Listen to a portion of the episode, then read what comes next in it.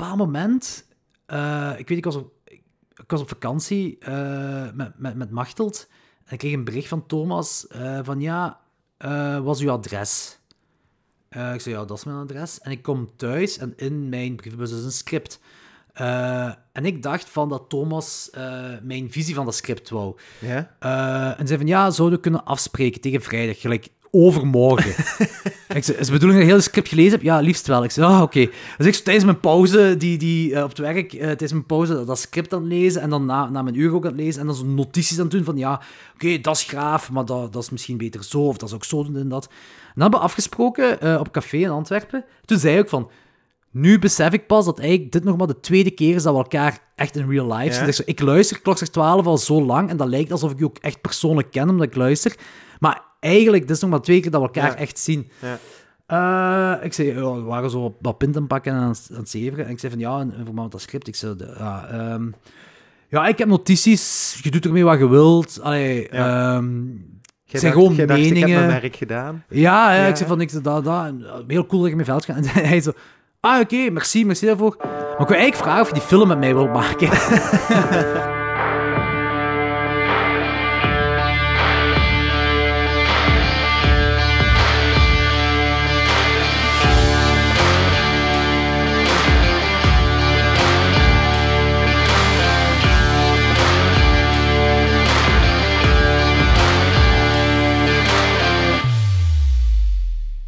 We staan op het punt om aan aflevering 18 te beginnen. Het gaat nog altijd over mensen. Vandaag alleen een beetje meer over Jordi Ostier. Het is een andere aflevering geworden dan de vorige 17, met minstens een hoek af, maar ik heb in de hele reeks nog nooit zo hard gelachen. Jordi en ik kennen elkaar al jaren, al is dat van op een afstand. Ik loop hem meestal tegen het lijf op een optreden of een festival, regelmatig nog door hem zelf georganiseerd. Dat doet mij trouwens beseffen, daar hebben we ook lang op moeten wachten. Een goede show in dat hele nieuwe normaal. Gewoon doen heeft nog nooit zo uitnodigend geklonken. Het is een aflevering die zich laat beluisteren als een trein. Het is een roadtrip vol anekdotes en straffe verhalen. Jordi lijkt overal een beetje per ongeluk te zijn ingerold, maar het is dan wel absoluut te bewonderen wat hij daarmee doet. Voor mij is hij ook het bewijs dat niet alles perfect doordacht of afgeborsteld moet zijn. Soms moet je gewoon durven gaan, zonder zekerheden, zonder zijwieltjes, en ook dan kunnen er geniale dingen gebeuren. Het is moeilijk om Jordi te beschrijven in drie, vier woorden. Er is ook zoveel over te zeggen. Zijn liefde voor punk en horror zijn zowat de rode draad doorheen al zijn projecten. Hij heeft eh, niet één, maar twee eigen podcasts, Klokslag 12 en De Peperkwekerij. Die eerste podcast gaat over horrorfilms en dat is voor mij heel duidelijk. De tweede is, ja, in elk geval een podcast. Ik ben absoluut fan en luister naar ze allebei. Dan is hij ook nog concert- en festivalorganisator. Regisseur, doet ondertussen een voltijdse job en alsof dat allemaal heel normaal is, kijkt hij veel meer films dan dat er dagen zijn op een jaar. Er zit zoveel energie in, ik heb geen idee waar dat hij vandaan haalt. Lachen doet Jordi ook graag. Niet alleen veel, maar vooral heel hard. Uiteraard is dat nu niet anders. Tijdens de montage ging mijn geluid om de 12 seconden ongeveer in het donkerrood. Dat is echt een compliment, want daardoor wordt alles nog grappiger. Ik heb heel groot respect voor alles wat hij doet en ik meen echt wat ik zeg. Ik denk zelfs dat deze podcast niet had bestaan als ik die inspiratie van hem niet had. Voordat ik hiermee begon, heeft hij mij trouwens ook bijgestaan met de nodige tips en tricks. Vandaag is het zaterdag 9 oktober en je kan terecht voor de betere muziek bij muziekfestival De Funhouse, door hem georganiseerd. Een aanrader. Ik beloof dat ik geen betere dagbesteding kan bedenken dan dit. Eind oktober gaat zijn eerste film Duister ook in première. Het is bijna Halloween, dus er is geen beter moment om dit in Overmensen binnen te smokkelen. Het is een Belgische found footage film geworden. Ik heb de trailer al mogen bekijken en dat wordt voor mij sowieso een avondje cinema. Hou je vast, het wordt een stevige trip down memory lane. Van Crossbone Fest naar de Funhouse, tot het duister wordt. Ik kan onmogelijk een aflevering maken die meer punk is dan dit. Storyteller van dienst is Jordi Ostier.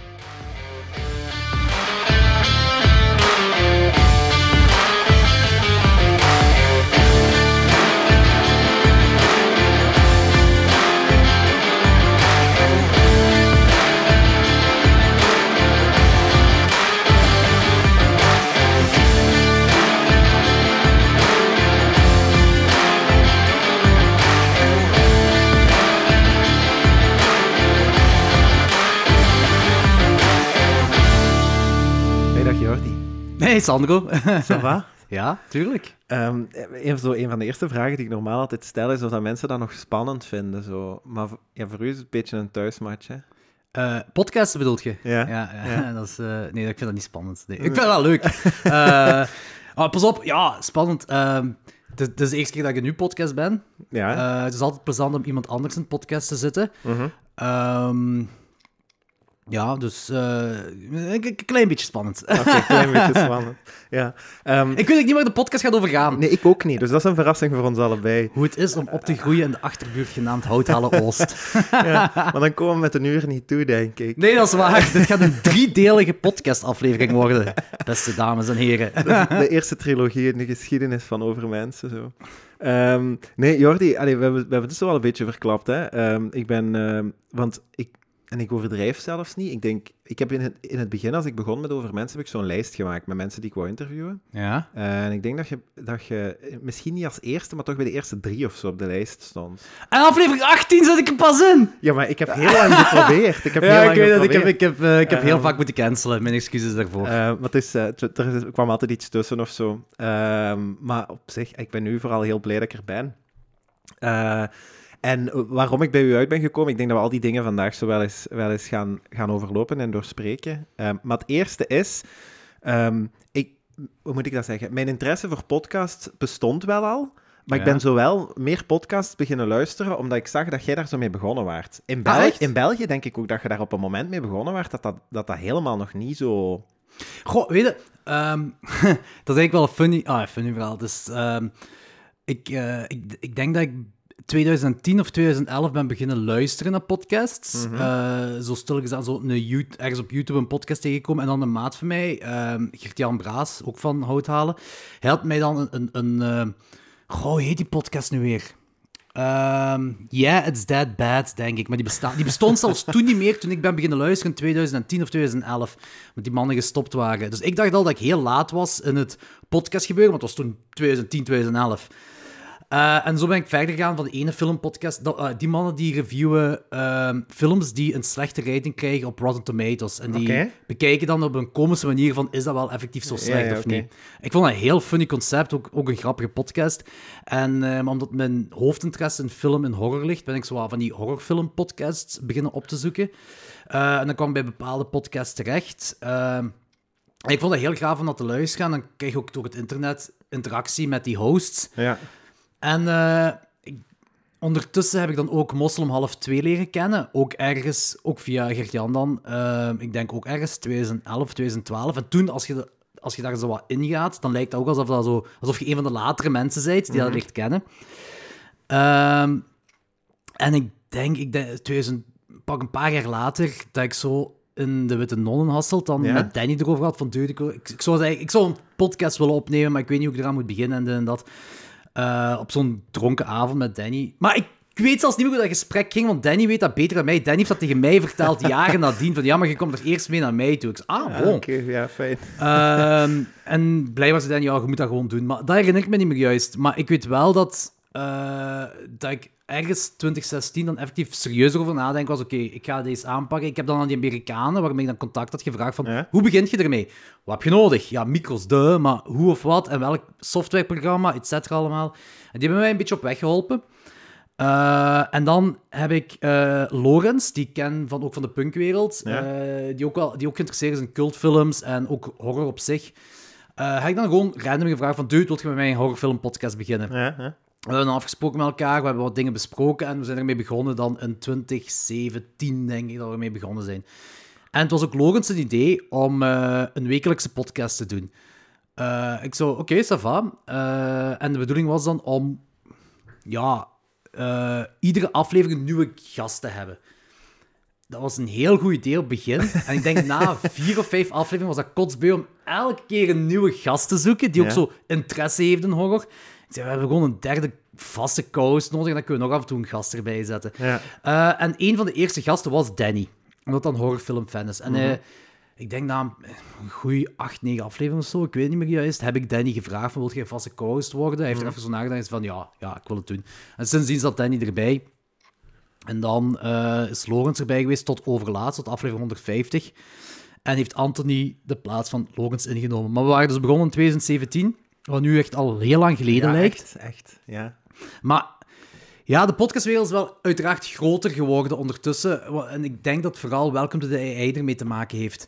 Ehm, eh, want ik had het gevoel dat toen ik begon met podcasten, dat dat eigenlijk al aan de latere kant was. Ah ja, oké. Eh, maar ja, als je ziet van hoeveel podcasts er ondertussen uit de grond zijn geschoten, na toen, vooral toen Welcome to the AI is begonnen, ehm, is Misschien... misschien... Is het concept ook gewoon een beetje zo hertekend of zo. Dat het vroeger meer heel specifieke dingen waren voor mensen die wisten wat ze zochten.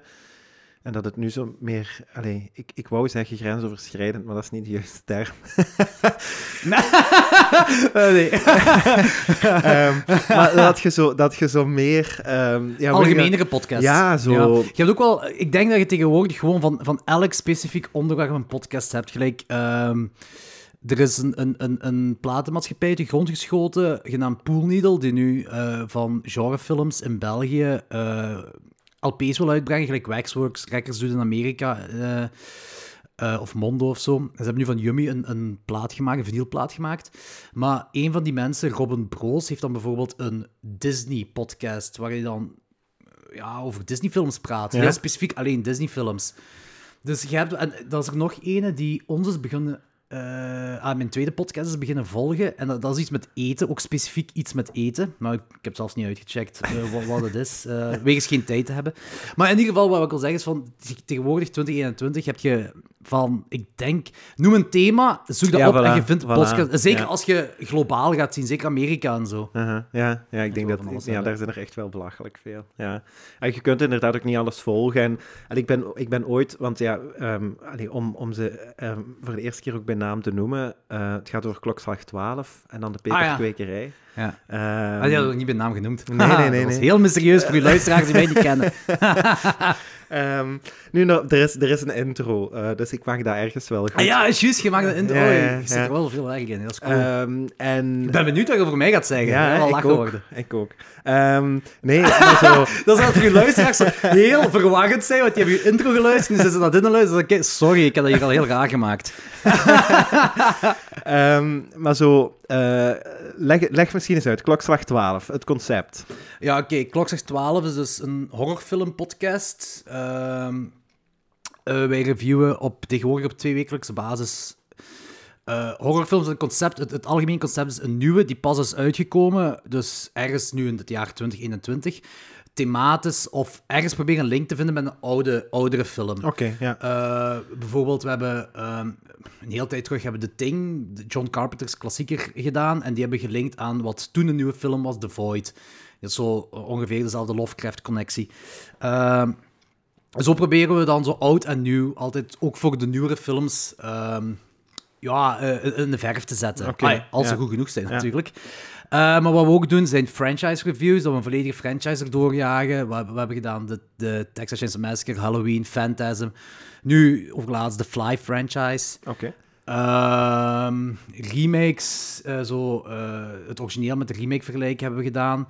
We hebben ook elke november hebben wij de Italiaanse horrormaand. Ja? Omdat we... Ah, ik vooral ben een heel grote fan van Italiaanse horror. Ehm, Ik en- wist zelfs niet dat dat een, dat dat een markt was. ja, dat is echt een, een ding dat, dat gestart eh, dat, dat heel bekend was in de jaren 70. Ik denk zelfs gestart in de jaren 60 met Mario Bava, et cetera.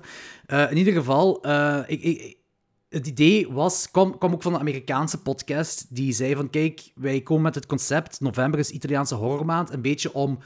Ja, oktober is een... eh, is een griezelige horrormaand ja, met Halloween ja. die dan de, de finale is. En dan vallen zo de horrorfans zo wat in een, eh, in een dipje. Eh, ja, dat is, zeker als je al die Amerikaanse podcasts luistert, dan voelt je dat zo wat mee. Zij zijn gestart met, met november, Italiaans horrormaand, maar ze hebben ook aangespoord voor andere podcasts om dat ook te doen. Dus hebben wij dat opgepikt. Eh, en wij zetten dan Italiaanse regisseurs in de verf, eh, zoals eh, Argento, Fulci, ja, Bava. eh, wat hebben we nog allemaal gedaan? Wat gaan we deze jaar doen? Ja, nog een Argento, drie, drie films van Argento gaan we nog onder handen nemen. De, de originele Animal-trilogie. En Joe D'Amato, denk ik dat we ook gaan doen. Want nu hebben we Anthony bij ons. En Anthony, dat is eh een en al Italiaanse horror. dus dat is het zijn moment van shining worden in november. Ehm, dus dat, dat is een ding dat... En we doen ook live podcasts. Eh, zeker onze verjaardagsshow. Dat hebben we nu al elke keer in de Witte Non live gedaan. Mhm. Waarbij we dan een top 10 doen van... eh, een bepaald jaar in horror die de luisteraars mogen kiezen. Van alle concepten doen we. Hebben ook vaak gasten, of ja, vaak, we hebben, we, we hebben regelmatig gasten over de vloer. Ehm, bekende of niet bekende gasten. Ehm, gewoon dat het interessant blijft. Ja, oké. Want, ehm, en ik heb ondertussen, denk ik, ehm, toch een aflevering of tien of zo geluisterd van Klokslag 12. Uh, 140 Ehm, hier aan. Ja, ik loop achter. En ik heb dat daar straks ook gezegd, ik loop echt achter. Want ik, soms, soms allee, hoor ik jullie dan zo meegaan in een film en dan denk ik, ah ja, die moet ik echt wel eens kijken. Eh, maar dat is dan zo een Netflix-aflevering bijvoorbeeld. En dan Ah, vind ja, ik niks terug op Netflix. Eh, dus die films zijn er dan al af. Ehm, misschien, moet ik, misschien moet ik eens bovenaan beginnen. Eh, Ja, bij de recentere Ah, aflevering. Ja, voilà. voilà. Eh, en, en dan zo naar beneden gaan of zo. Ehm, maar zo, ja, eh, zo in het algemeen, en dat vind ik op zich wel leuk aan, aan uw podcast. Ik, ik heb, denk ik, niet zo heel veel met horror. Ik ken daar Ja. ook niet zo heel veel van, hè. Nee, voor, heel, voor heel duidelijk te zijn. Ehm, om, omdat ik zo, hoe moet ik dat zeggen? Ik, ik pik natuurlijk ook alleen zo de mainstream Mhm. dingen wat op. En dan, Ja. die, dat begint heel veel op elkaar te lijken, vind ik altijd. Ah ja, ja. Zo, zeker als je de generische eh, ja, films Eh, en, en dan vind ik dat altijd zo'n beetje een tegenvaller. Ehm, maar misschien moeten we gewoon eens een tip geven. Wat is, wat is nu bijvoorbeeld dit jaar voor u echt zo de, de film die er wat uitspringt? Ah, de, de, de film die, waarvan ik zeker ben dat het mijn top 3 van deze jaar gaat eindigen is Come True. Come True heeft zowel de vibe van It Follows. Ik weet niet of je die film ooit gezien hebt. Is, dat, is dat niet de tweede It? Nee, nee, Nee. nee, nee. It, Follow- It Follows is een film uit 2015 ehm, over ehm, een, eh, een, een, een, een griet die een one-night stand heeft. En eh, sindsdien wordt zij achtervolgd door, ja, door typekes, door mensen. Maar die, dat is eigenlijk een, een, een bovennatuurlijk iets.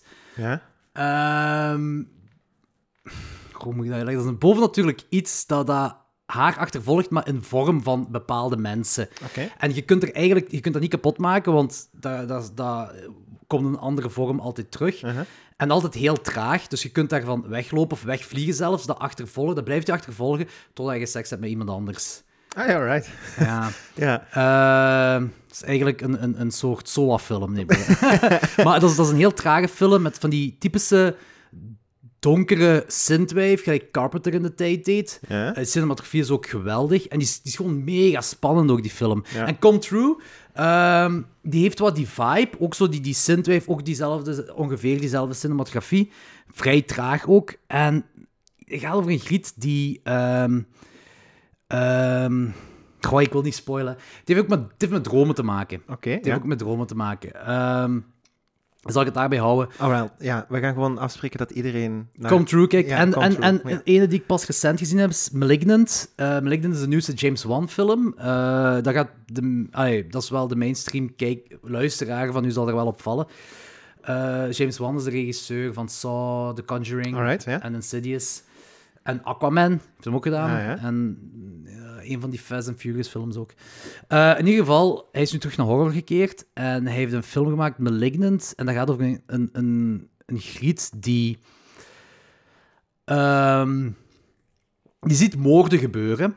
Eh, dus ehm, zij zit bijvoorbeeld bij haar thuis en in haar bewustzijn geraakt ze op een andere plek, op de plek waar de moorden gebeuren. Ze ziet dus de moordenaar die moorden plegen.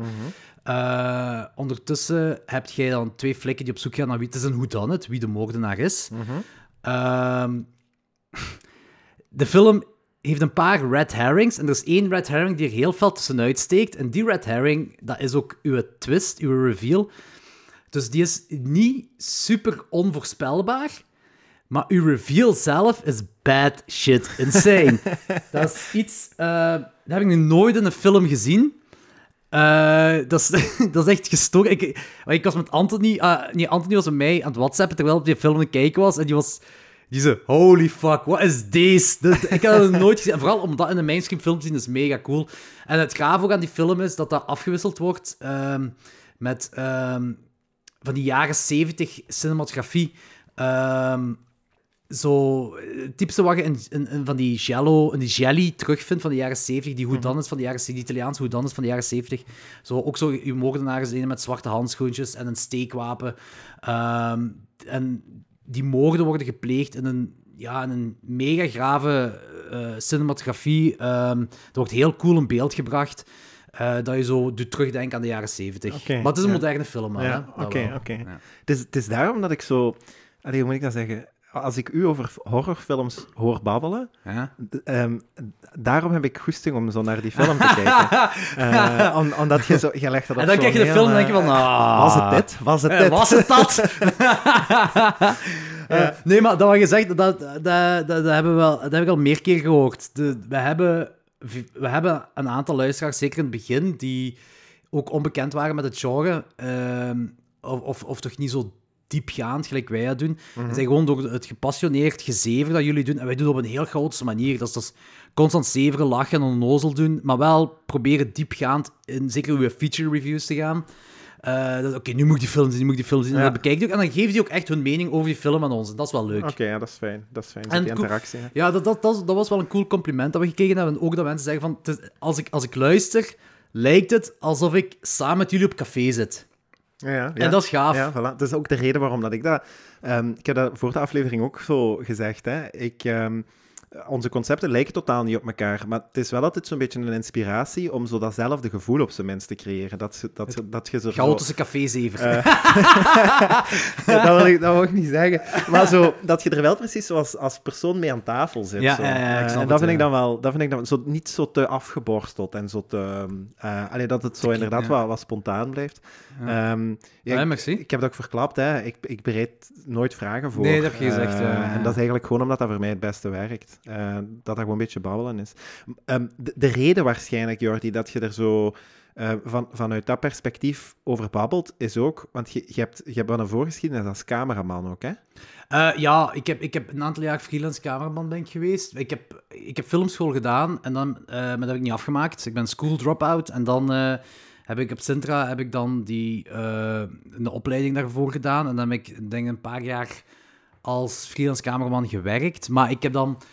Daar ben ik mee gestopt en vanaf dan ben ik in mijn vrije tijd... Ik, ik heb dan gewoon een 9-to-5-job aangenomen en dan ben ik in mijn vrije tijd... eh, ben ik, ja, heb ik hier en daar wat videoclips zitten maken. Oké, ja, ja. Maar het zou voor een stuk verklaren, zo inderdaad zo die, die kijk op zo de... Allee, hoe, hoe jij naar een horrorfilm kijkt, dat Ah, ik. zo. Ah, ja. Ja, goh, misschien... Weet ik, goh, ik weet het niet. Ja, dat kan misschien wel, maar ik denk, ik denk gewoon als je geïnteresseerd bent in film en je zit, of je zit gepassioneerd in film...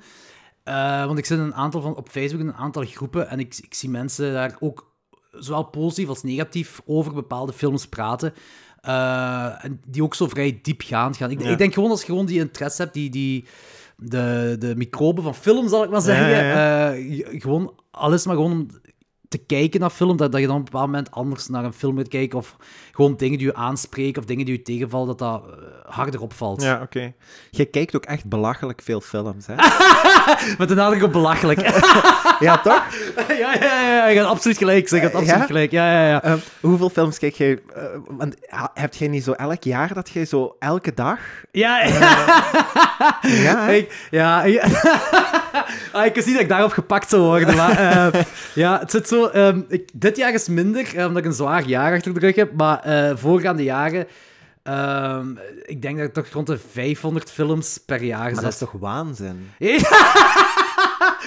ja, dat is waanzin, ja. Dat is waanzin, ja. Dat klopt. Want ja, jij werkt, je doet nog heel veel andere dingen waar dat we het vandaag nog over moeten hebben. En dan kijk je tussendoor nog 500 films. Dat dat je, hebt een, je hebt dan een, een tv in je badkamer en in je toilet. Nee, eh, nee, nee, dat niet. Maar ik heb, ik heb een tijd gehad dat ik echt elke dag een film moest zien. En als ik geen film had gezien die dag, dan voelde ik me precies slechter over dat ik, die film, dat ik geen film gezien had.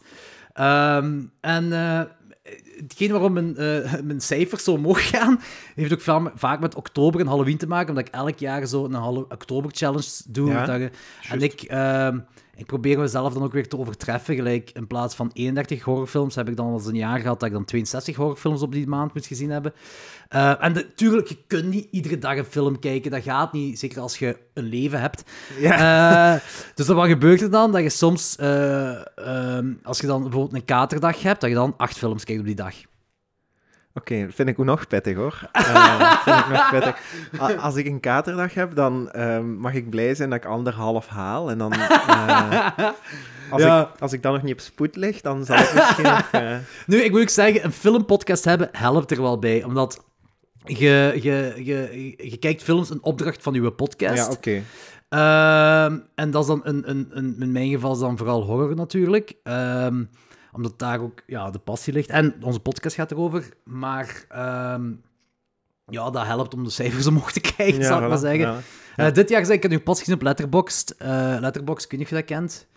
Dat is een app, eh, een social media app. Ja, ik zie u daarop bezig. ja, dat is puur voor films te, te raten, te loggen en, en te reviewen. Oké, maar je kunt ook elkaar volgen en kijken wat andere mannen, alright. iedereen de rest vindt. Dat is wel interessant. Ehm, eh, dit concept van Klokslag 12 is super duidelijk. Ehm, maar het concept van de peperkwekerij... Ja, dat is niet duidelijk. nee. Eh, Oké, ja, daar, daar hoort een, een, een, eh, woordje uitleg bij. Oké, ehm, er maart, een- maart een 2020, maart 2020, ehm, halverwege eh, eh, het maken van Duister is eh, de wereld stilgevallen voor iedereen. En ehm, toen had ik het idee, oké, ik ga een nieuwe podcast beginnen. Ik weet niet hoe ik juist aan dat idee kwam, maar ik had zoiets van, ik ga een nieuwe podcast beginnen. Een tweede podcast, dus niet ter vervanging van Klokslag 12, maar gewoon een, een, een, een volgende. Eh, waar we praten over van alles. Maakt niet uit, geen thema op zich. Ehm, we zien wel. En ehm, ik wou eerst een testaflevering maken. En ik had aan Anthony gevraagd. Maar Anthony heeft geen micro. Anthony in technologie is een beetje gelijk John McClane in technologie. Dat, dat, dat werkt niet zo heel goed. Eh, maar ondertussen, waren, omdat corona was, had je heel veel podcasts waarbij, wat eigenlijk gewoon telefoongesprekken waren. Eh, omdat ze op dat moment Zoom was. Heel begin van corona Ja. was Zoom er ook nog niet. Ja. En die Skype-opnames waren ook niet gelijk het moest zijn. Dus dat, dat is ook de reden waarom dat Anthony de helft van de tijd zegt... Wacht, ik, ik zet mijn camera even af. Ja, ja, ja, tuurlijk. Dan komt de audio beter door. ja, zeker. Ehm, en ehm, de, de eerste aflevering was echt gewoon een Anthony die via WhatsApp mij aan het bellen is. Eh, en ik, neem, ik, ik was met mijn, gsm, hield ik dan zo op, op eh, speaker tegen de microfoon. En zo was dat was de allereerste Paperkicker aflevering. En zijn oog was ondertussen... Want dat was een aflevering van drie uur of zo. Zijn oog was rood en pijnlijk geworden. van, van de opname. Ik weet zelfs niet waar we het over hadden. Maar daar hebben dus... eh, In, die eerste week heb ik altijd een andere gast gehad. Ik zei, oké, nu is het met die, dan is het met de peer. Dat is een buddy van mij uit de Kempen die basically een boer is. Ehm, hij, hij, hij, hij kweekt dingen en eh, hij doet dat kei goed. en dan hebben we daarover zitten praten, maar dat is ook, dat is ook een, een heel zotte... ah, hij, hij kent heel veel van de Belgische punk en dan praten we ook daarover. Alright. Eh, of Maarten Melon heb ik dan eh, ook gehad, van Gremlin Strike Back, waar we dan hadden over films. Ehm, ik, ik had zo de eerste aflevering had ik zo altijd wel iemand anders. En dan op een bepaald moment kwam zo Anthony terug. En Anthony kwam wel, en bleef maar terug. En op een bepaald moment was oké, ja, Anthony en ik zijn samen de peperkwekerij en niet alleen ik. Eh, en eh, ja, wat... we hebben dus geen vast thema, maar we proberen het wel...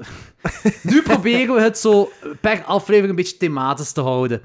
Ehm, wat we al gedaan hebben, is taste testings, waarbij we pepers testen. Ja. Ehm, of, of hot sauces testen, of pikant eten testen. En, en ondertussen dat we peperkwekerij tijdens de eerste pandemie, eh, tijdens de eerste lockdown bezig waren, waren we eigenlijk aan het zeggen van, oh, mensen, luisteraars zouden zeggen van, ja, je eet die pikante dingen, maar we zien dat niet. Zo Ja. zeggen, dan gaan we een YouTube-show beginnen. Eh, en dat gaan we ook effectief doen. Hier in deze kamer waar we nu zitten, gaat de studio worden van de, van de, van de YouTube-show. En de YouTube-show... Het concept, het concept dus, ja, want ik heb geen genoeg projecten, dus Ja, we nee, nemen er nog een project bij. Ehm, het concept is... ehm, eigenlijk laten Anton en ik ons innerlijk kind naar boven voor een goede 10 minuten per aflevering. En we houden quizjes tegen elkaar, we spelen spelletjes tegen elkaar en de verliezer... Je kunt niet winnen, je kunt alleen verliezen. En de verliezer moet ofwel, ja, ik weet niet, een Carolina Reaper eten, of van die dabomsaus eten, of eh, lever gemarineerd in, in azijn, of oh, iets smerigs. Zo. Dus je wilt gewoon niet verliezen. Oké, ja. Dat is het Ja. concept, eigenlijk. Ehm, Alright. ja. en, en, en voor de rest, de peperkwekerij, ja. Ehm, we- ja. Zoals ik zei, we proberen per week wel iets thematisch te doen. Vaak hebben we het over actualiteit eh, ook. Ehm, of we proberen zo wat, wat nieuwere punkbands eh, in de verf te zetten. Dat hebben we ook al gedaan. Dat is eigenlijk zo'n beetje dat is een levend ding. We zien wel waar het naartoe gaat. Oké, ja. Ehm, je hebt juist al gezegd, hè, ehm, alsof ik nog niet genoeg projecten heb, we doen er nog eentje bij. Zo Punk en ook De Witte Non zijn al gevallen. Ehm, ik weet niet of ik u dat compliment ooit gegeven heb, maar ik denk een van de beste festivals waar ik in mijn leven ooit terecht ben gekomen, is één specifieke editie van eh Crossbone Festival. Oké, in, eh, cool. Zalig, Ja. merci. Ehm, Welk, welke editie? ja, ik weet het jaar niet meer. Ik weet dat Your Highness en We're Wolves toen op de agenda stond. Goh, Eh, nou, maar ik weet zelfs niet... Dat is echt wel al lang geleden. Ehm, Het zal ergens 2014, 2015 zijn of zo. Of 2013 misschien zelfs. ja, ja het, was, het was echt zo wel in de, in de beginjaren, zo denk ik. Ehm, maar ik wist niet waar dat ik mij aan moest verwachten. Eh, dus ik dacht... eh, ja, ik ben vier jaar voorzitter geweest van dat jeugdhuis. ja, je was de eerste je- voorzitter, ja, hè? klopt. En dan ehm, ben ik even zo verdwenen. Ik woonde toen ook in Leuven en zo. Dat was niet te combineren met werk. En ehm, ja, dan, dan eh, ben ik terug naar Houthalen gekomen. En dan dacht ik, ah, ik, daar is een, eh, ja, iedereen, iedereen zei, ja, daar is een festivaletje. Ehm, maar ja, dat is niet de maatstaf voor wat ze in Houthalen noemen. Dit is een. Ehm, ja, dat was echt waanzin. Maar echt een van, de, een van de beste festivals, denk ik, qua sfeer, qua muziek, waar ik in mijn leven geweest ben. En dan dacht ik, ah, alright, die mannen zitten wel... eh, zitten wel op een goed spoor. Ik ben dan ook elk jaar geweest. Ah, zalig. ja, ja. Eh, de eerste dag was ik als eerste daar. En ehm, ik weet nooit om hoe laat ik dan naar huis vertrokken ben. Ehm, en de tweede dag was ik altijd als laatste daar, omdat ik niet op mijn nest geraakte. Gewoon. Het was echt, eh, ja, het was echt was een zwaar weekend altijd. Eh, ja, Ik denk, je bent niet de enigste, hè? Ja, ik denk ook, allee, zo, want ik ken die cijfers een beetje zo van vaten en zo die afgegaan Ja, zijn in het ja, ja. jeugdhuis. Jullie hebben daar echt wel zo eh, deftig eh, de, de lead in genomen. Hè? Ja, ik weet dat we tegen aantallen. de brouwer moesten zeggen, dat de brouwer zei van, ja, maar ja, hoeveel jullie bestellen? Zelfs de carnavalsvereniging bestelt dat die. Ik zei, ja, maar ja, dit gaat echt niveaus boven carnaval. Dit is erger dan carnaval. Dit is een circus op zich. Dit is een, land vol circussen dat we hier eh, Het was ook echt een circus. Zo, allee, het was ook echt, ehm, overal waar je naartoe draaide, was er iets te zien. Zo was echt waanzin. Randanimatie genoeg op Crossbow Ja. Ja, ik heb echt mensen ondersteboven over het plafond zien wandelen en zo. Ah, ja, dat- zo, dat kan wel, ja. Heel, heel zotte dingen. Maar heel, heel fijne sfeer, echt. En, en super muziek ook. Ehm, ik ben dan ook eens eh, naar... eh, in de Witte Non. stond, Trash Out Fest. eh, Your Highness stond toen... eh Ah. Die kwam een nieuw album voorstellen, denk ik. Oh, ik, ik denk, als ik, als ik me goed herinner, heeft Your Highness twee keer in de Witte Non gespeeld. Eén keer heeft Wim, eh, de eigenaar van de Witte Non, het georganiseerd. En één keer ik. Ja, jij hebt dat toen georganiseerd. Dat met ik Reproach toen. Ja. Ja, ja, ja. Ik, ik weet niet of dat voor een nieuw album was. Ik niet Ja, meer. dat was ook, eh, ook waanzinnig goed optreden. Ehm, ik ben dan ook, want dat heb jij ook georganiseerd, denk ik, in het jeugdhuis in Kesselo, Brutus. Nee, dat heb ik Eh, niet, nee, dat heb ik niet gedaan. Maar ik ben nu daar wel tegen het lijf gelopen. Dat, maar dat is ook al lang Brutus, geleden. eh, hoor. wat speelde nog? Eh, Brutus Werewolves stond er toen Was dat ook. niet de Werewolves release show? Met Ja, cheap drugs. ja, dat heb ik niet ja, georganiseerd, ja. maar dat was ik inderdaad bij. ja. Ehm, dat was ook wel waanzinnig goed. En ja, Brutus, terwijl dat er 25 man in de zaal staat, is... is ja, dat kun je je nu niet meer voorstellen. Nee, dat kan ik me niet meer voorstellen. Eh, en dan ehm, ben ik naar... ehm allee, wel, ik was er nog. In, in Zonhoven, maar ik weet niet of dat jij dat mee georganiseerd hebt. Was dat die... Son- Sons of a Wanted Man, ehm, daar, daarvoor kwam ik eigenlijk. Maar ik, ik denk dat ik u daar ook tegen het lijf gelopen ben. Wacht, in Zonhoven? In het jeugdhuis in Zonhoven. Eh, de Nachtwacht. Ja? Ja. In de Nachtwacht? Sons Ja, of? Dat is nee, vier was ik- jaar geleden of zo. Nee, dat was ik, daar was ik niet bij. Ah, nee, oké. de, de, de allereerste editie van Crossbone Fest heeft zich wel afgespeeld in de Nachtwacht. Omdat, Ah, ja, oké. eh, omdat dat was waarschijnlijk... Wel, dat was 2007. Maar jij, jij hebt het jeugdhuis de Basement. Wanneer heb je dat gestart? 2007, denk ik? Ergens Ja, 2008? zoiets, Zes, denk ik. Ah, 2006. Maar dat was nog de Gierlokalen dan. Ja, dat kan Want dat wel. heeft Dat kan. Ja, daar eerst in de de- gierlokalen, dan zijn we naar de, zo de kelder van de bibliotheek. Enfin, nu doe ik een beetje afbreuk aan de locatie, want het was wel een mooie locatie. Ehm, maar dat zal ergens toen geweest zijn. Ja, want ik weet in, twee- in 2007 kwam het eh, eh, concept. ehm, het, ding was, het, het idee van, van eh Cosmofest, en wat eigenlijk nu uiteindelijk de Funhouse is geworden, het idee kwam van om een platenlabel te beginnen. Eh, en eh, dat idee kwam dat ik verschil... Ik had verschillende doc documentaire, punk-documentaires gezien over verschillende punk-platenlabels en alles, alles Indian, DIY. En als tiener vond ik dat mega cool, Ja, ja. Hè, want dat is, eh, dat is gewoon dat is, dat is uw leven. Zo, we moeten zoiets kunnen starten. En dan... bij, met bepaalde vrienden, dus eh met waaronder Wesley. Ja. Eh, dan zeg ik, we samen iets beginnen. eh, en dan is het goed, maar je hebt geld nodig voor je platenlabel. En dat was, ja, oké, we gaan een festival organiseren, een, een benefietfestival. Dat was de allereerste Crossbone Fest, dat was een benefietfestival. Ja. We hadden tien bands. die gratis kwam optreden, of voor naftgeld of zo. Uh, en uh, we hadden geen jeugdhuis in Houtaal Oost op dat moment. Ja. Plus, Houtaal Oost heeft ook niet echt de... Uh, hoe moet ik het zeggen? Um, het... Um, het alternatief druipt niet van Houtaal Oost. Ja, Als je ja. iets alternatief wou doen, dan... Houtaal Oost had die dingen op dat Nee, moment niet. Nee, klopt. Ehm, dus toen ik hoorde van een jeugdhuis in Houtaloos, ik was toen ook al 18 jaar, denk ik. ehm, dat was niet mijn go-to om voor iets alternatief te gaan. Terwijl als Stoem is natuurlijk een jeugdhuis is voor iedereen. Maar toen op dat moment dacht ik van, ja, ik weet dat die mannen van Zonhoven, die hebben al bepaalde showjes georganiseerd, ik ga aan hun vragen. En ik ken die ook nog van vroeger in de tijd. Eh, dus ik had dat gevraagd aan die mannen. En ze zeiden, oh ja, kom maar hier. En die, die, die hadden ook alles geregeld qua PA en zo, waar ik ook geen kloten van af wist.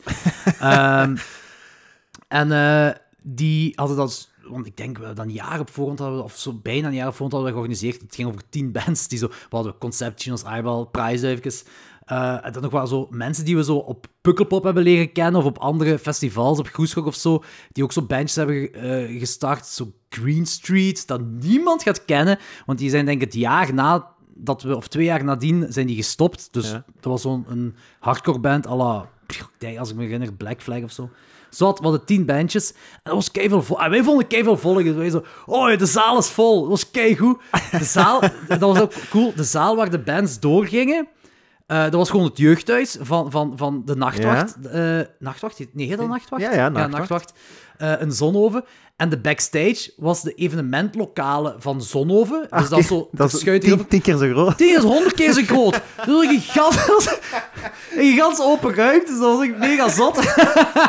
maar ja, langs de andere kant is het ook veel te groot voor een punkshow natuurlijk. Ja, dat is waar. Eh, dus wij hadden iets, oké, kijk. We hadden, ik denk, een budget van 500 euro. Goed genoeg voor een VZW te, eh, VZW te starten. En dat is oké. Wat gaan we met Crossbomb Fest doen? Ja, we willen dat verder doen, elk jaar opnieuw. En dan, dan zijn we... eh, dan is... Ja, ik weet niet wat, eh, wanneer juist, maar eind 2017, december 2017, hadden we Crossbomb Fest georganiseerd in, eh, in Zonhoven. Eh, en dan het jaar daarna wouden we dat ook in die periode ergens doen. Maar vanaf toen, eh, tot de volgende Crossbomb Fest, is de basement gestart. Ja. Als in eh, Ja. het jeugdhuis, de basement. Ja, 20, Nachtwacht, 2008. Nachtwacht was ja, 2007 en dan weer vanaf 2008, 2009 ergens naar Houtale Oost. Zo. Zoiets zal het geweest zijn. 2008 was effectief de editie in Houtale Oost. Ja, oké. Dat weet ik nog. Ehm, ergens, ik denk oktober dat we dat gedaan hebben, als ik me goed herinner. Ehm, en eh, dat was ook zo, dat was zo een, een semi, semi-goede editie. Tegen het einde eh, was er wel wat volk, maar het was niet zo heel zot. En dan was van, we gaan we in 2009 doen. En ik denk dat we, nu weet ik niet zeker, hadden we 2008 al twee dagen gedaan, of 2009 met twee dagen begonnen. In ieder geval, toen we twee dagen begonnen waren, hadden we zoiets van, we gaan een hardcore dag doen en een punkdag. Want eh, we dachten van, dat gaat niet hetzelfde volk lokken en ehm, mensen willen niet... Het ging toen over 15 euro voor een dag of zo. Mensen gaan geen 15 euro willen betalen als ze maar de helft van de bands willen zien. Echt zo, als je als student bent, dan denk je echt dom erover na. ja, ja, ja, Allee, dat, is, dat is ook een leerproces. Al, al die dingen zijn een leerproces. zeker. Eh, en die hardcore terwijl in in 2000, ik denk dat het 2009 was of 2010 hadden we gelijk bijvoorbeeld de Black Heart Rebellion, wat ik een magnifieke band vind. Die zitten volgens mij ook in de Church of Raaf, zijn er toch aan gelinkt of zo. Ja, daar komen gelijk drie man op af of zo. dat, was echt, dat was echt, die hardcore dag, dat werkte niet echt. Uh-huh. Ehm, en die punkdag begon zo meer en meer wat te groeien. Ehm, en ik weet nog, ik herinner me nog in 2000. Het ding was ook, je had in oktober had je dan ook in 2008 of 2009 eh, was er een nieuw festivaletje à la Cosmo Fest ongeveer begonnen in de Kempen, genaamd Summer in Oktober. Eh, en eh, dat had ook zijn succes, maar dat was dan altijd zo'n beetje afgestemd. Oké, Cosmo Fest is die dag en de week erna dan eh Summer in Oktober. En we gaan kijken of we bepaalde bands kunnen delen die op tour zijn. Ja. Maar uiteindelijk begint je conculega's te worden. Ja. Ehm, het is niet... Het is, ik, ik, ik, heb al, ik ben nooit echt fan geweest van... Oké, we gaan... eh, deze band is alleen maar voor die festival. Ik vind dat die ook meerdere shows mogen spelen in de omgeving. Maar je moet ook wel uit de kosten geraken. Ja. En eh, je wilt ook wel dat, dat, dat u, u, het ding dat je organiseert dat toch een beetje succes heeft. Ook voor de bands die komen. Dat, dat is tof dat er eh, genoeg volk staat. En niet alleen tegen het einde, ook voor de rest van de dag. En ik denk 20, ja, 2010 heb ik dan de beslissing genomen om dan in 2011 in maart dat te organiseren. Maar dat was heel pittig, want het was in oktober 20, 2010 was Cosmo Fest en de volgende editie dan 2011. Wat betekende dat ik die zomer al met de, twee, met de volgende editie ja, bezig was ook. En eh, het idee was toen gekomen dat een bepaalde band... ehm, ik weet niet of dat je iets zegt, Chicks Dig It. De naam. ehm maar Dat kan was- daar was- geen nummer dat- van opnoemen of zo? Nee. Nee, maar ja, dat is oké. maar dat, dat was een band waarmee ik zo wat, eh, toch in mijn tienerjaren wat mee ben opgegroeid. Eh, die hebben ook op Fat Track staan ze, wat toch wel een groot platenlabel is. En ik dacht dat die gestopt waren, dat die niet meer bestonden. En ik zag dat die in 2010 random een, eh, een tour met een specifiek Italië en Noorwegen hebben gedaan. En that's it. Niet Europa, gewoon Noorwegen en Italië. En that's Ja. it. Na een aantal jaren nog eens in Europa, maar alleen daar. Ik zei, holy shit, hoe cool zou dat zijn als ik die mannen kan overtuigen om een tour te doen rond het Crossbone Fest.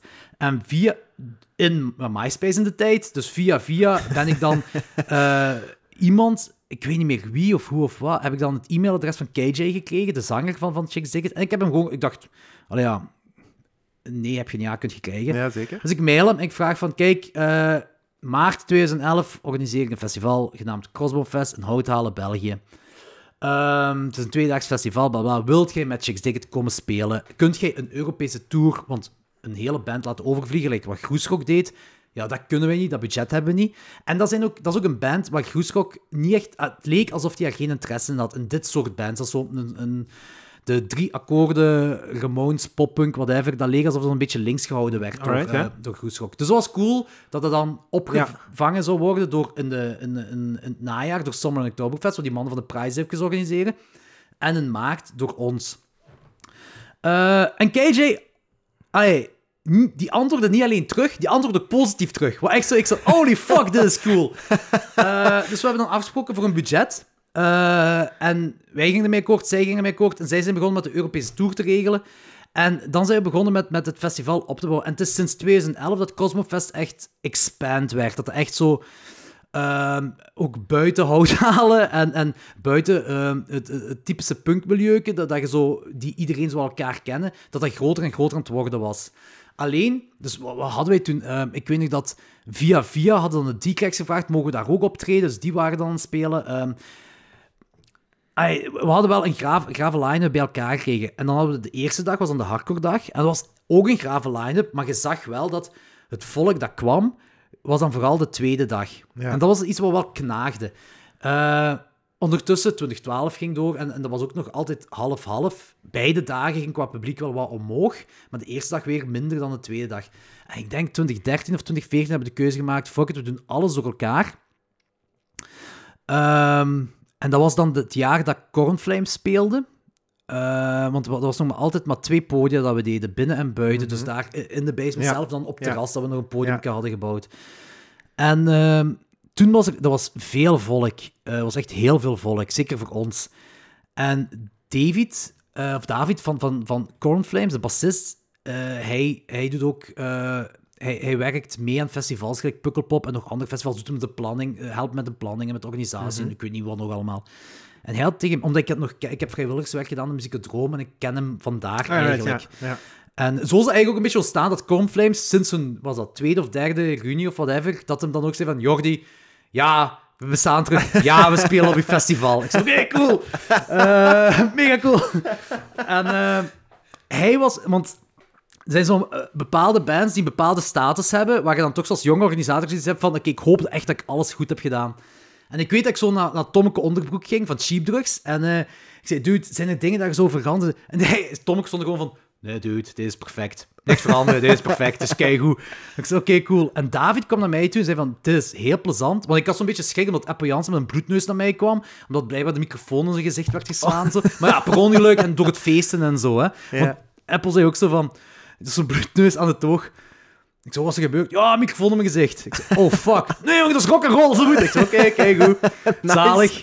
Eh, en David kwam naar mij van, kijk, dat is echt heel vet om zo die, die DIY-sfeer en, en, en... Want hoe groot Cosmofest ook werd, het is nog altijd DIY. En we waren ook... Ik had nog met Karel over laatst over. Festival dat wij organiseerden had, had eigenlijk 20, 30 man nodig in die organisatie. En we hadden vijf man en eigenlijk was er maar twee man op laatst die dat deden. En dat waren jij en ik. Dat was echt te veel. Te veel is te veel. Maar eh, toen... Maar ja, dat is ook... David zei tegen mij toen van, kijk, dat is keigoed, maar je hebt stage managers nodig. En ik zei, Ah, want je zegt, ik zie u constant op en aflopen, overal op een zit, overal wordt jij gevraagd, maar je bent organisator. Uw podium heeft stage managers nodig. Ik zei, ah. Ah, En toen ik dat wist, had ik zoiets van... Maar wacht eens, dan kunnen we meer podia doen. Dus dan ben ik gaan rondvragen eh, van... Ja, kunnen we daar een cultureel centrum niet eh, wat dingen eh, regelen? Hè? En toen eh, via de gemeente. En toen wouden ze dat groot podium, een cultureel centrum... ja, dan juist. Ja. en toen, ik zei, nee, nee, nee, nee, dat is veel te groot. Ja, maar goed, een groot... Nee, ik is niet zo groot. De- dus wat, wat hebben we dan gedaan? We hebben de, de inkom van het cultureel centrum was dan de inkom van Crossbonfest. Ja. En uw inkomhal is dan uw merch area. Dat zo alles van juist. merch kan daar zijn. En zei van, ja, maar waar wil je podia dan doen? Niet hier, niet daar. Nee, maar je hebt zo uw bar daarachter. ja, Ik weet niet of je dat herinnert, dat is eigenlijk zo gewoon die ruimte wat er is, is voor uw bar. ja. Ik zei, ja, daar kunnen we een podium bouwen. podium. En in een vergaderlokaal. Ja. Wat dan de fun, dat podium heette dan de Funhouse. Ah, ja, daar heb ik ook echt... Ik weet zelfs niet meer hoe die band heette, maar die hadden zo, zo ehm, konijnenmaskers op en zo. Dat was echt waanzin. Konijnenmaskers? Ja, die stonden ook echt op de, op de vergadertafels, was die een optreden. Konijnenmaskers. Ja, ik weet niet meer wie dat het was. Het was echt heel zot. En ik ben echt blijven staan. Ehm, want ik was daar met twee, twee kameraden van mij. En die zijn dan weggegaan omdat het echt zo te absurd werd. Maar ik, ik was helemaal gevangen. Ehm, ik dacht, alright, dit is wel heel cool. Ja, het, het ding was, ehm, van, ik had dan een derde... Maar ik, ik denk dat ik gewoon één podium bij wou. En dat was dan, dan daarachter waar die bar was. En dat was eigenlijk ook wel een groot podium. Zeker voor punk eh, was dat vrij groot. Eh Equal Idiots hebben daar geopend trouwens. En dat was juist een moment dat Equal Idiots... Dat was ook, ook wel zo raar. Ik weet, ik weet dat ik... eh, Die mannen van Equal Idiots, samen met de mannen van Mountains to Move, die hebben in hun jeugdhuis, jeugdhuis Zigzag, eh, Merksplas, ehm, hebben die ook zo wat showjes georganiseerd, waar ik ook een paar keer naartoe ben gegaan. En eh, dan daarna heeft Equal opgetreden op Summer and Oktoberfest. En ik weet dat ik in die tussentijd eh, heb ik met hun zitten mailen voor op Crossbonfest te spelen. En ik ben dan zo op Summer Oktoberfest ben ik mezelf gaan introduceren. Ik zei, ik ben, ik ben Jordi, ik heb zitten mailen met jullie voor Crossbonfest, maar ik zie dat je wilt spelen en en dat. En ze, die twee keken mij aan. Ja, Jordi, we hebben over laatst de zigzag een heel lange avond zitten verzeveren tegen elkaar. ah, weer iets bijgeleerd. Ehm, en, eh, maar in die tussentijd was, was eh was eigenlijk... Ja, dat was... Ik weet niet meer hoe dat labeltje heet, maar zo een, een klein platenlabeltje in, in België dat zo eh, meer into die garage dingen on- ja, uitbrengt. Wat heel graaf is. Zo heb ik hun ook leren kennen. Maar in de tussentijd dat ik hun geboekt had, in de tussentijd van Summer Oktoberfest en Crossbonfest ook, hebben zij meegedaan met een nieuwe lichting. En dat was een mega Ja. boom. Ik weet nog dat Wesley tegen mij zegt, Jordi, hou, allee, hou het in je achterhoofd dat de kans groot is dat Ecoladies gaat moeten cancelen, omdat ze gewoon te groot zijn op het moment. En ik zei, ah ja, oké, goed, ik zal hem in mijn achterhoofd houden. Vergeten. Eh, en eh, nu, nu, nee, niks mis, die, die hebben gespeeld. Eh, die hebben ook gespeeld met origineel budget, als een openersbudget, hebben die gespeeld na, na de hand. Maar dat was wel ook goed voor hun, goed voor ons. Dat was de opener van het festival. Ja, stond stampvol. ja, ja. Want dat was Icoletisch. Dus dat was wel cool. En daarna kwam Thibaut naar mij en zei van... Hé, hey, ja, ik, kom, ik, kom voor, ik kom voor het geld. En ik zei, ja, we hadden dat afgesproken. Ja, ja, inderdaad, klopt. Ik zei, alright, dat is cool. Ja. dat is zalig. Dus Ja, echt zo nice. immens veel respect voor die man. Ook omdat die nog altijd eh, de jonge punkbands eh omhoog halen, hoe groot dat zij ook zijn. Dus ze- zij supporten de jonge punks nog altijd. Dat vind ik wel heel cool. Eh, maar ik ben ergens anders begonnen met mijn verhaal. En ik ben echt afgedreven, ik weet niet meer waar. Eh, Ja. Ah ja, met de Funhouse, eh, dat zaalke. En eh, ik weet dat ik de- dat derde podium op Cosmo Fest wou, Ja. wat we volgens mij effectief gewoon tweede toogstage noemden. Dat was de naam van het podium, tweede toogstage, omdat dat de tweede toogdagen Ja, was. ja. En toen zag ik dat vergaderuit. Eigenlijk zo, hier kunnen we ook een podium maken. maar ja, dat is even groot als deze kamer waar we nu in zitten. Ja, dat is echt, allee, om zo een idee te geven, ik denk dat dat, dat is letterlijk geen 4 meter breed, denk ik. En dan zo, en dan zo 8 meter diep. En dan, de, de ramen komen ook niet tot op zo heuphoogte. Dat is echt zo van die ramen zo... Kelderramen zo, ja, zo tegen het plafond. Ja. Ehm, en dan stonden daar zo drie vergadertafels. Ik denk zelfs dat de stoelen er nog bij stonden ergens in de hoek. En daar staat dan een band op te treden. Met zo in, Zonder uw, podium in eigenlijk. uw rug staan twee dossierkasten. Zo. Ja, Waanzin. Ehm, maar ik vond het heel chic. Ik vond het echt heel cool. Ja, Ehm, eh, want het eerste jaar dat we het deden, hebben we Daggers daar gezet. Maar Daggers heeft ook al een reputatie van meer dan tien jaar volgens mij. Ook al vier nieuwe zangers of zo gehad. Had op dat moment, ja, die hebben dat kot afgebroken. Hè. Dat was Ja. gestoord dat we Daggers in zo'n klein kot zien. Want ik weet nog op voorhand dat we de vensterbanken hebben weggehaald, omdat die los stonden. We dachten, ja, hier gaan ongelukken mee gebeuren. Ja, ja, ja. Ze hebben effectief de vensterbanken moeten gaan verstoppen. en daar hebben we dan de Funhouse gedaan. Of ja, eh, eh, dat, dat podium heette de Funhouse. Ja. En dat was ook zo het meest besproken podium na een tijd. Omdat dat waanzinnig is dat er zo grave bands daar op... Ik denk dat we Clean Shirts, zo'n Engelse band, daar ook hebben gezet. Ehm, en ehm, dan eh, na Crossbone gingen we dan, eh, hebben we gezegd, oké, we gaan iets nieuws beginnen, maar iets kleins, iets veel kleiners. Iets dat we aankunnen met ons twee, met Karel dan, hè, een van de organisatoren van, van, eh, van Crossbone Ja. En hij zei ook zo van, oké, ik, wil met, ik, ik wil met u verder doen, maar ik wil het kleiner aanpakken. Niet meer gelijk Crossbone Fest, maar wel hetzelfde concept, maar gewoon kleiner. Hoe gaan we dat heten? Ik zei, de Funhouse. Ja. En dan hebben we zo, om dat een beetje... Het podium in leven te houden. ja. Zo Ja. de Funhouse genoemd. En zo zijn we Alright. verder gegaan. En, eh, want eh, die editie kwam dit jaar nog, hè? Ehm, eh, volgens mij, gelijk jij mij hebt gezegd, de zaterdag dat deze aflevering online komt, is de Funhouse. Ah ja, oké. Eh, wacht, Dus zorg ervoor dat het s'morgens online is. Ja, ja, Dan s'morgens- kunnen uw luisteraars toch snel naar Genk gaan en naar de Funhouse ja, gaan. ja, ja. Ehm, en ik sta garant. Het, is, het gaat absoluut de moeite waard zijn. Dat is altijd zo. Ehm, dus eh, als je niks te doen hebt, zou ik het, eh, zou ik het zeker overwegen. Ehm, maar zo, ja... Ik, ik hoor u zo over zo Crossbone opzij en nu de Funhouse organiseren, zo babbelen alsof het zo bijna per ongeluk gebeurd is. Terwijl, ik ben daar geweest en ik, ik wil ook een beetje zo meegeven aan iedereen die nu luistert. We, moeten daar niet allee, zo onnozel klein over doen. Hè. Ik heb op Crossbone... ehm, ik herinner mij, vlak voordat ik naar Crossbone vertrok, ging ik nog rap bij de frituur eh frietje halen. Eh, daar stonden mensen achter mij. En dat is echt geen zever, hè. Eh, Parijs. Ik heb met iemand gepraat uit Japan. Ja, In de ja, ja, zaal. dat klopt. Ja, dat Ehm, ja. eh, me- mensen kwamen echt van over heel Europa. Ehm, want er waren ja, zelfs- Japan ligt wel buiten Europa, maar... Ah, ja, dat is, een andere, dat is die andere Japan. Ah, dat is die andere ja, Japan. ja. ja. Eh, Een nee, houtaal heb je veel Japanen natuurlijk.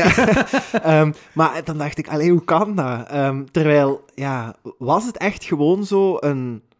Allee, iets impulsief ik- of... Ja, allee, ja het, wa- het was echt impulsief. Eh, ik denk, eh, op het moment... De doorbraak was... De eerste doorbraak was 2011, wat ik zei, met Chicks Diggers. Maar het ook heel lang, heel lang geduurd vooraleer die eh, band nog eens in België heeft gestaan. En dan ook zo de juiste eh, soort bands erbij zetten. Dat ervoor gezorgd dat er al buitenlanders kwamen.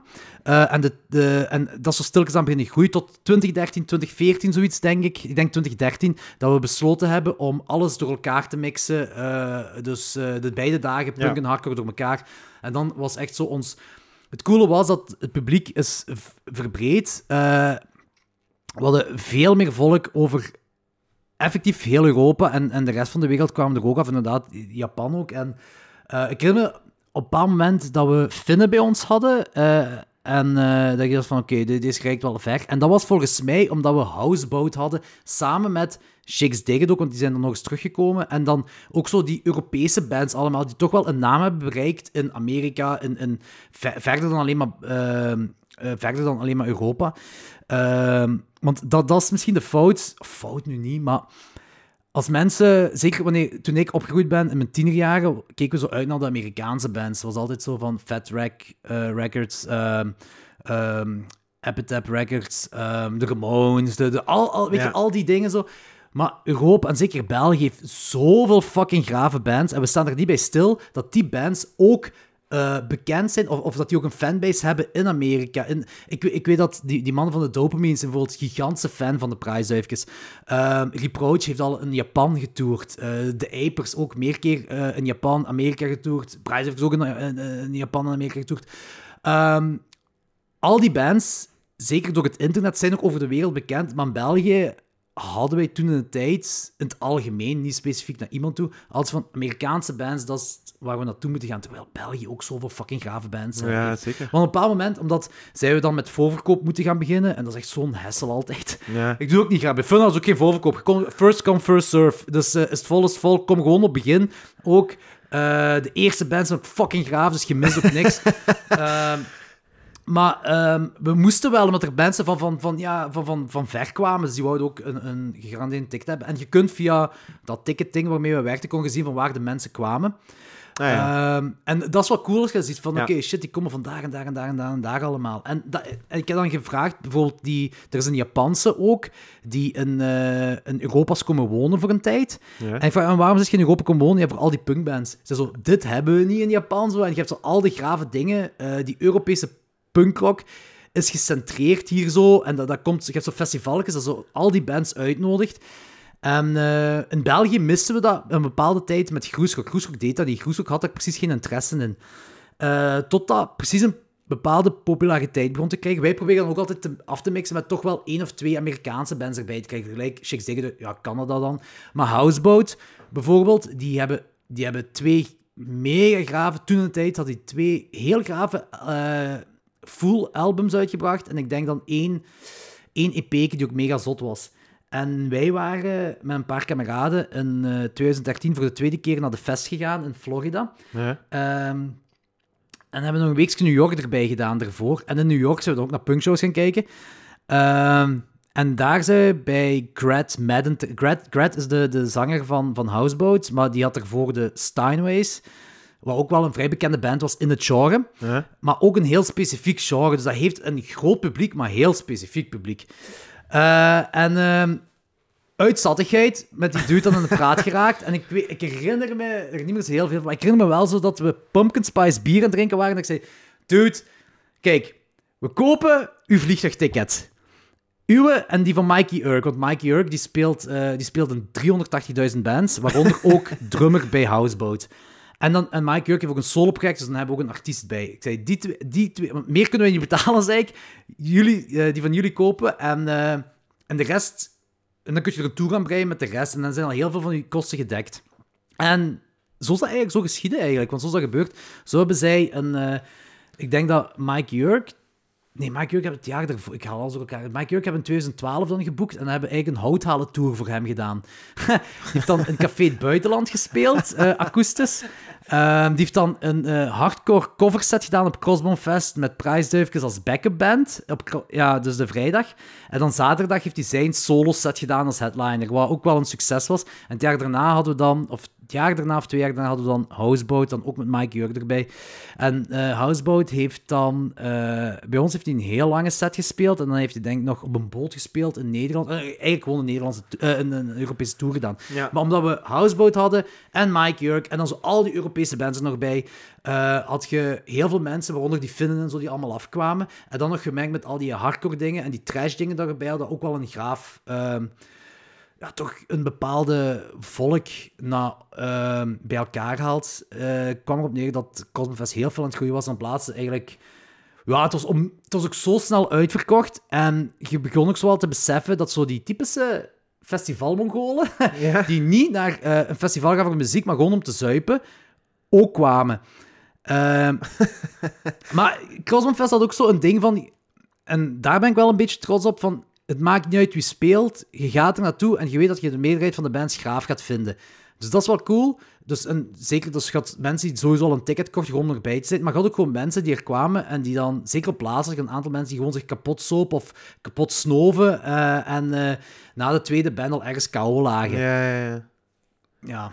Ja. Dat zijn nee. mensen die wilt vermijden. Ja, oké, snap ik, snap ik. Eh, zeg Jordi, ehm, we, we- we gaan stilletjes zo naar de, naar de laatste, maar niet minst belangrijke bijzaak Een ander van, project. eh, we hebben nog een project waar dat we het over moeten hebben. Eh, heel belangrijk. Ik vind het zelf ook wel allee, heel cool, want als ik, als ik mij juist geïnformeerd heb, is dat de eerste Belgische horrorproductie, toch? Nee, dat heb je niet, niet goed ge- Niet goed geïnformeerd. Dat heb je helemaal niet goed ik informeer mij ook zelden, dus ehm, Nee. eh, het zal daarmee te maken. Ik dacht dat dat de eerste volledig Belgische productie was. Nee, absoluut niet. Nee. Ehm in eh 2013, denk ik, als ik, als ik goed zit, eh, heeft Jonas Govaerts Welp gemaakt. Ja? Een slasher eh, in een scoutscamp. Maar daarvoor zijn er nog heel veel verschillende Belgische producties gemaakt. Er is, er is een, da- daar raad ik echt aan. Er is een documentaire uitgekomen een paar jaar geleden, genaamd Forgotten Scares. Ja? En die documentaire is effectief uitgekomen, eh, pres- of toch, toch gemarket zo van... Eh, toen Welp uitkwam, werd dat gemaakt als de allereerste Belgische horrorfilm. Wat absoluut niet waar is. Eh, en Forgotten Scares is dan doorheen alle andere Belgische horrorfilms gegaan. Eh, Vla Vlaams, Vlaamse, denk ik, volgens mij. Want ik herinner me nu bijvoorbeeld, ik heb, ik heb zelfs denk ik ooit een, een Belgische horrorfilm gezien. Speelde ze- zich dat niet af zo ehm, in de ondergrond van de mijn? Zegt u dat iets? Wij moesten vorig jaar, nee, dit jaar normaal gezien een. eh, ik denk dat jij die dings met Kurt Rogiers bedoelt. Dat zou heel goed kunnen zijn. Dat is een Nederlandse Ik- film. ik ben heel-. Ja, ik ben heel blij dat je iets herkent, want als ik zoiets vraag, kan het evengoed een droom geweest zijn. en dan denk ik, ah ja, misschien zit ik er echt heel ver naast. Nee, ik denk, denk Ehm, dat jij Slagnacht bedoelt met Kurt Rogiers. dat zou heel goed kunnen zijn. Eh, want wij, wij zouden normaal gezien eh, dit jaar voor eh, eh, Vlaams erfgoed ehm, van ehm, ja, Hanne, Hanne, hoe heet ze nog? Hanne, ik ben haar achternaam kwijt, had ons gevraagd. Zij werkt aan Seamine in Genk. ja? Dat gevraagd we een podcast worden opnemen eh, in verband met Vlaams erfgoed en zo misschien met een horrorfilm kunnen. Ja. Eh, maar omdat ik toen allemaal shit had meegemaakt, is dat niet doorgegaan. Mhm. En dat was de bedoeling om Slagnacht te reviewen van Kurt Ah. Maar dat, is, dat is een Nederlandse film. Ja, ja, Dat is wel, wel Limburgs, dat wel. Ja, Denk klopt. ik toch. Als ik goed heb, is het Limburgs wel, maar het is Nederlands wel. Ah ja, oké. Maar in ieder geval, Bel België heeft eigenlijk een hele geschiedenis van, van horrorfilms. Ehm een van de beste eh, films is Daughter of Darkness. Dat is een lesbische vampierenfilm uit de jaren 70. Ja? Ehm, van Harry Kummel. Eh, en de, ehm, ik denk, Welp heeft wel een, een, een grote bekendheid. Eh, ah, ik- ik- zoals ik zei, ik volg veel Amerikaanse podcasts. En Welp is volgens mij sowieso een, in ieder van die Amerikaanse podcasts ooit eens gepasseerd geweest. Cup dan, in het Engels. Ja. Eh, en eh, Rabbit Grannies, dat is echt een cultklassieker. Eh, die is door Troma overgekocht. En Troma, Troma is... Troma zegt u niks? Nee. Nee, is... eh, hoe ga ik Troma uitleggen?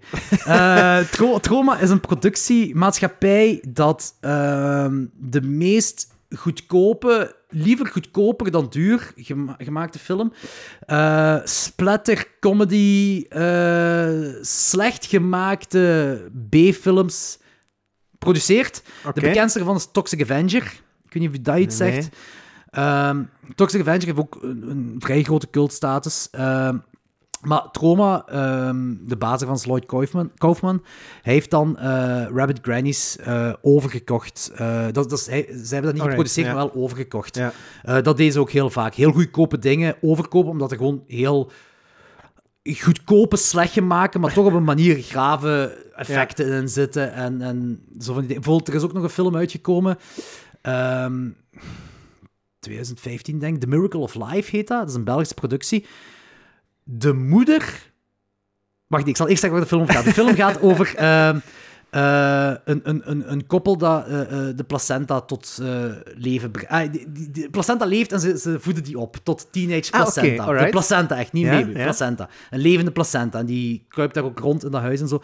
Maar de moeder wordt gespeeld ehm, door een kerel die ook bij ons in de film meedoet, in Duister. Ah, oké. Ja, ja, ja, ja. Pascal Matus. Ah, oké, oké. Ehm, ja, het is... Het is eh, want ik, ik, heb er straks al gezegd, ik was ook zo aan het denken, horrorfilms, horrorfilms, wa- wat vind ik echt zo goed? Wat vind je echt goed?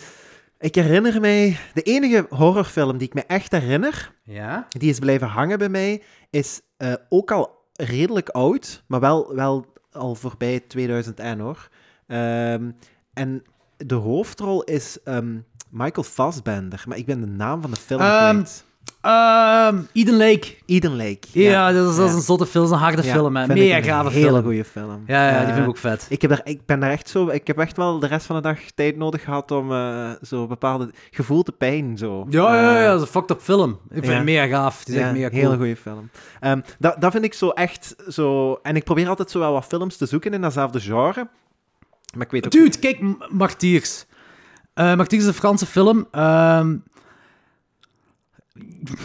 ja, je, dat, dat, dat is een, in, de jaren 2000 heb je op een bepaald moment dat je zo eh, ehm, de French Extreme eh subgenre is al veel gezegd, maar zo, zo een ding dat daar was. Ik had zoveel, vaak van die Fr- Franse extreme films die uitkwamen.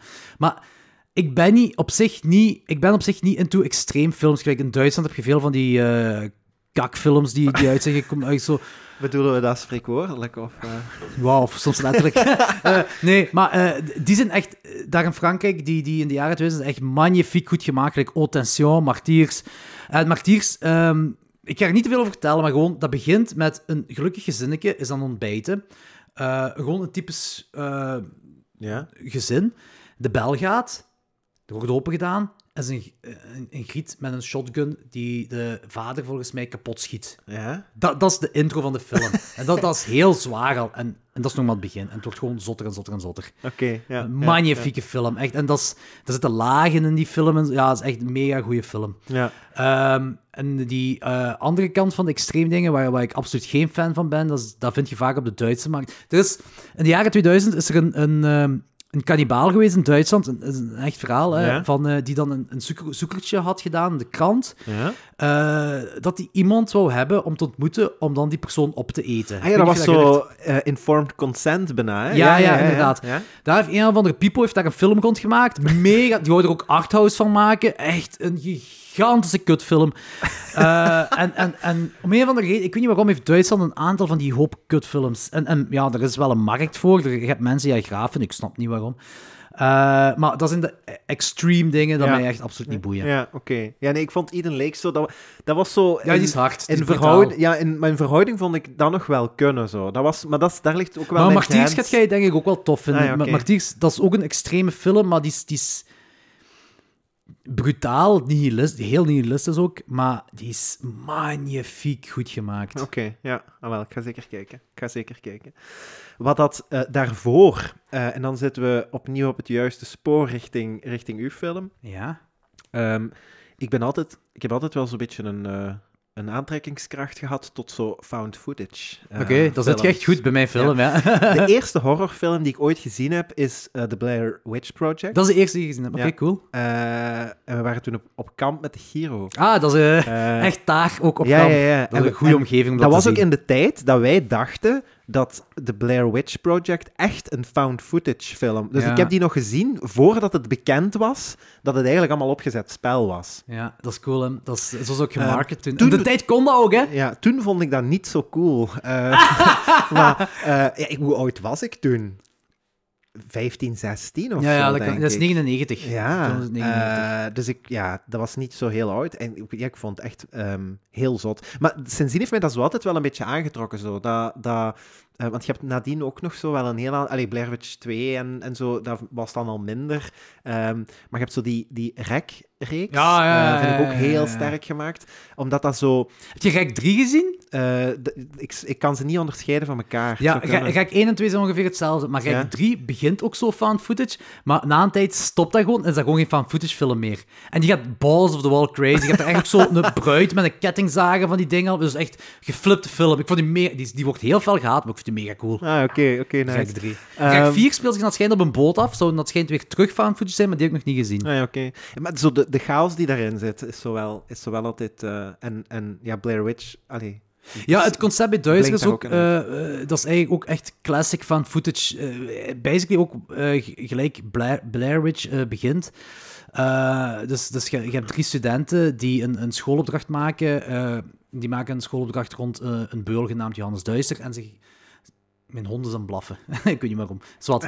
Eh en eh, ze, het begint met dat ze mensen gaan interviewen. En door die interviews, ze, ze willen meer weten over Johannes Duister. Ja. En eh, ze komen door die interviews meer en meer te weten. En ze, ze komen ook bepaalde mysterieuze dingen te weten. En dat, is, dat is niet zo goed voor hun. Ze, ze, ze worden daardoor geleid naar een, bepaald, naar een bepaalde plek Oké. waar er veel gebeurt van. Maar dus eh, in principe eh, is dat eigenlijk de, het klassieke found footage ding, gelijk bij Blair Witch Project Ja. ook gedaan wordt. Zij beginnen ook met interviews Ja. en dan, Ja. ja. zij komen dat bos terecht en dan, uiteindelijk schreeuwen zij tegen stenen. Eh, en ziet je niks. Bij ons ziet je wel dingen, dat wel. Dat, dat, is het, dat vind ik ook, Blair Witch Project, we hebben die een heel tijd geleden hebben wij die gedaan met Klokzeg 12. Nu, ik heb die... eh, ik denk twee jaar daarvoor heb ik die voor de eerste keer opnieuw herbekeken sinds mijn tienertijden. Ja. En ik herinner me Blair Witch ook als kind. ehm, ik, ik herinner me dat het echt zoiets was van: oké, deze is echt. Dat werd ook zo'n markt als echt. Ja, echt super zotte marketing, wat je nu niet meer kunt Nee, doen natuurlijk. Maar toen in de tijd ging het nog mega zot. En ik oké, dit is echt... En ik, ik weet nog dat oudere jongens bij mij op school, die wouden stoer uit hoog, dat is allemaal niet echt en dat is niet eng en zo. Dus ik ben de film ingegaan, omdat die oudere jongens zeiden van, dat dat niet echt is. En ik had die film gezien en ik was scared shitless. Ja, ja, was- ik was ook helemaal overtuigd dat dat echt was. Eh, echt- ja. Ah, ja, ik was echt... eh, Die film werkte echt op dat moment super, super, super goed. Eh, het was ook de eerste keer dat ik echt een, een, een contact kwam met found footage. Alhoewel ik daarvoor Cannibal Holocaust gezien heb. En Cannibal Holocaust is toch half found footage. Ja. Ehm zwat, eh, in mijn tienerjaren heb je dat nog een paar keer opnieuw gezien. Ik, ik vond nog altijd een heel enge film. En dan heb ik die een ja, 2016, 2017 opnieuw gezien, omdat Machteld, mijn vriendin, die nog nooit gezien had. Ja. En de nieuwe Blair Witch, de derde, was uitgekomen. Ik zei, dan gaan we Ja. de eerste toch opnieuw kijken om die derde te kijken. En we kijken die eerste. En dat was echt zo'n teleurstelling. Ja, was niet eng. Je hebt gewoon fucking irritante tieners die schreeuwen tegen stenen. Ja, That's ja. it! Dat is zo, dat is zo kut. Dat is zo... En ik, ik, ik apprecieer die film heel hard. En ik- ook voor wat hij gedaan heeft in de filmgeschiedenis Ja, en zo. Dat, dat, is, dat is popculture tot en met. En, en eh, dat was een heel cool project toen in de tijd. In, toen in de tijd vond ik het ook heel eng. Nu doet me dat niks meer. Nee. Bijvoorbeeld Paranormal Activity, dat in 2007 was uitgekomen, vind ik dat op de dag van vandaag... Ah, niet letterlijk de dag van vandaag, maar ik vond dat wel ook nog een enge Ja, film. zeker. Ja. Eh, en bepaalde... De, de, de Taking of Deborah Logan bijvoorbeeld, fucking goede found footage film. Ja. Ehm, maar Black Witch deed me eigenlijk gewoon niks meer. En ehm, ik, weet, ik weet ook niet waaraan dat ligt. Ja, oké, ja, ja, je kunt die nooit meer kijken zoals toen, hè. je kunt die ook niet meer kijken zoals toen inderdaad. En je ziet ook niks, wat toen in de tijd heel sterk was. Wat ik bijvoorbeeld nog altijd heel sterk vind in Jaws, dat je niks ziet. Daar Ja. werkt dat bijvoorbeeld wel. In de film uit 19, was dat 75 of zo. Ja. Ehm, maar bij Blair Witch, ik weet niet, het doet mij niks meer. En ehm, bij eh, Duister hebben we wel de keuze gemaakt dus dat je wel... Ja, ik wil niks spoilen, maar dat je wel dingen ziet. Oké, ja. En, eh, want de productie van de film, dat is, ja, je bent daar een hele tijd geleden al, al mee begonnen, hè, met, met opnemen en zo. Dus het, eh, we hebben tien op draaidagen gehad. We hebben er vijf voor COVID gedaan en we hebben er vijf tijdens COVID gedaan. Ja, We, zijn eigenlijk, we zijn moeten stoppen. In maart zijn we moeten stoppen. We zijn in ik maart begonnen, maart Ik herinner me dat, want jullie waren toen inderdaad zojuist begonnen en dan viel alles stil en dan werd alles opgeschoven. Eh, Ja, het ding was, we zijn ehm, bij, dus we hadden tien draaidagen gepland. En eh, het, het is ook, je hebt, de film kun je ook een beetje in twee delen. Eh, dus je hebt al je interviews zoals zich in Antwerpen afspelen en dan heb je een tweede deel. En we hadden bijna alles van Antwerpen hadden wij gefilmd.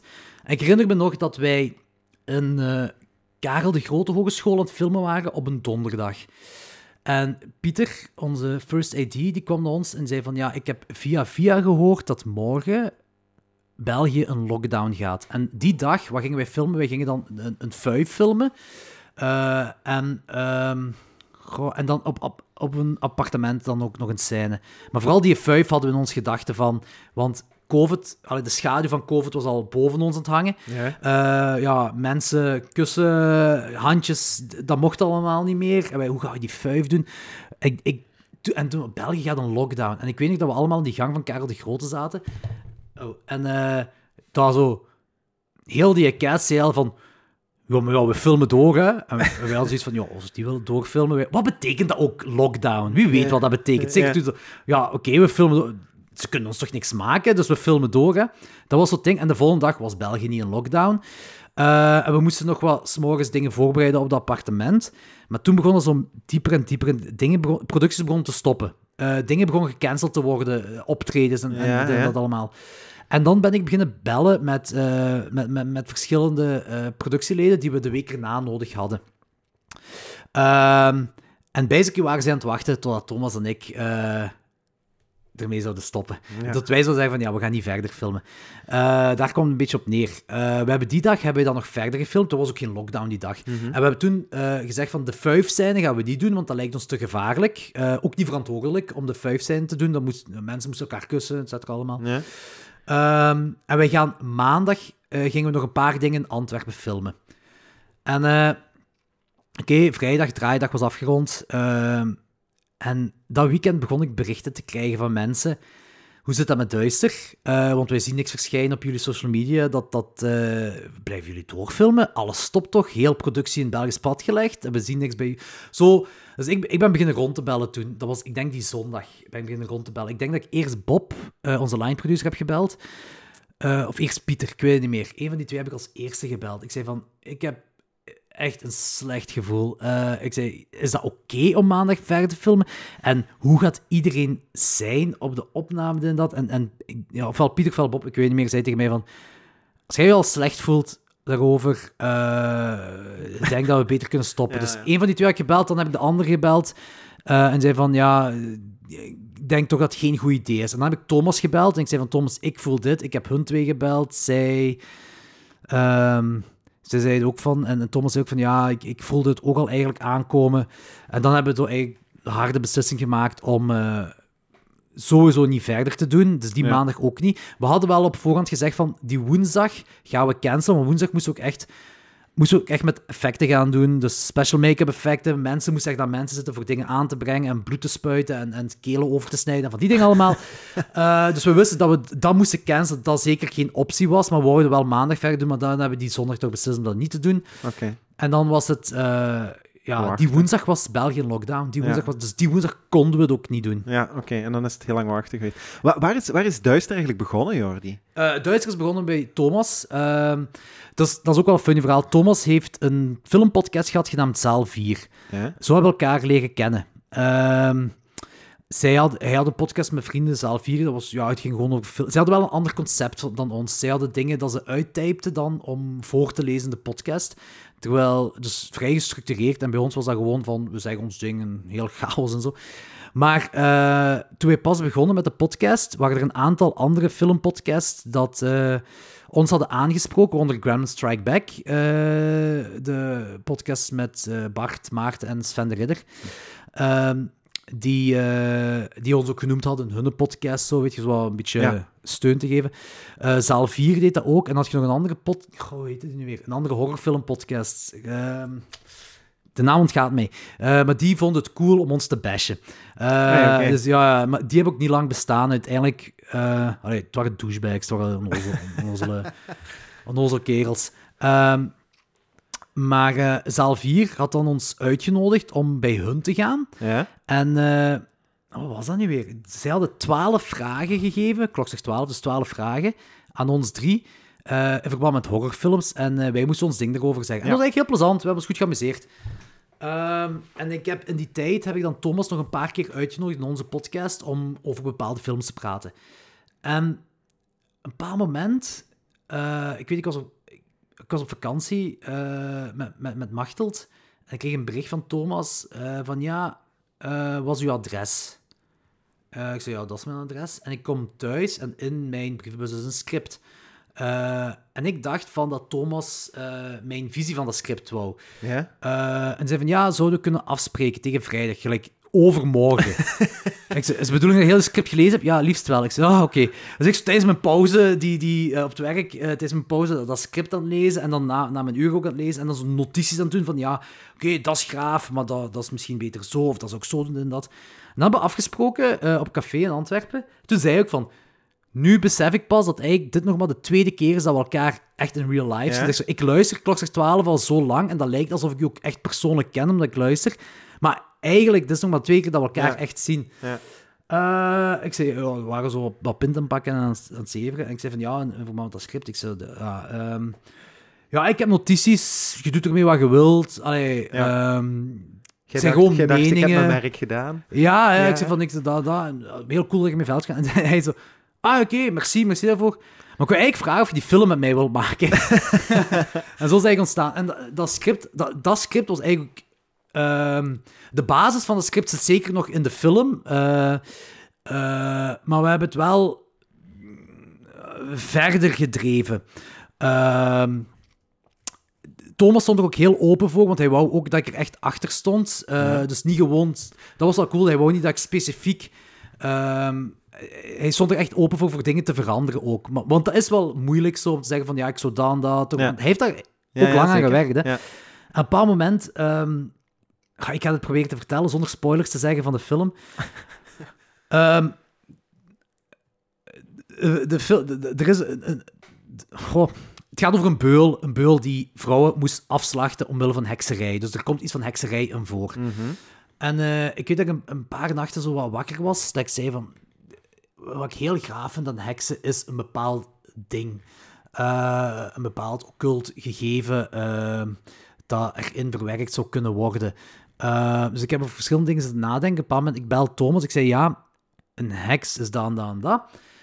Uh, zou het niet graaf zijn om zoiets erin te verwerken? En Thomas, je hoort hem zo nadenken in de telefoon. Zo, Goh, ja, ja, ja. En uh, hij is dan al financieel aan het nadenken, volgens mij.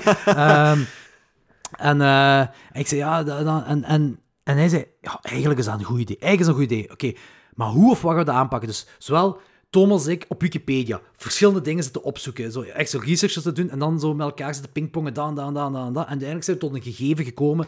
En dat hebben, dat hebben we dan verwerkt in een script en is ook effectief in de film gekomen, okay, wat heel cool is. Nice. Ja. Ja, En uh, um, ja, ja, zo is eigenlijk het script eigenlijk tot stand gekomen. Uh, dan, Thomas is ook goed bevriend met... Uh, of ja, er was iemand bij ons in de podcast gekomen, genaamd Jasper Franke. Mm -hmm. uh, hij heeft een kortfilm gemaakt, Meul. Maar een magnifieke kortfilm is. Um, voor je luisteraars, kijk die kortfilm Meul. Ik denk dat je die op YouTube of op Vimeo voor 1 euro of zo kunt huren. Dat is echt een mega coole kortfilm. Iets ook wat je nog nooit gezien hebt. Um, Anyway, um, via hem zijn we dan, hebben we bepaalde mensen leren kennen, waaronder Pieter, uh, die ook bij hem heeft gewerkt in zijn kortfilm. En zo, zo hebben we zo uh, de crew leren kennen. Ja. Uh, en ja, zoals dan, dan uiteindelijk zijn we met crowdfunding begonnen. en is de film ja, uiteindelijk tot stand gekomen. Ja, want ik, ik weet nu niet of dat we het daar nu zo over mogen hebben, maar zo naar, nee, naar jawel, acteurs toe. Allee, dat zijn ook niet de minste namen, toch? Um, ja, de twee grootste namen zijn Sven de Ridder en Stefan de Gant. En die Ja. zijn er Um, Sven de Ridder zit in elke Belgische productie. nee. um, we wouden één, minstens één grote naam hebben in, uh, in de film voor verkoopcijfers. Ja. Het idee was om een, iemand die uh, in de horrorwereld zit en die bekend is globaal gezien. Ja.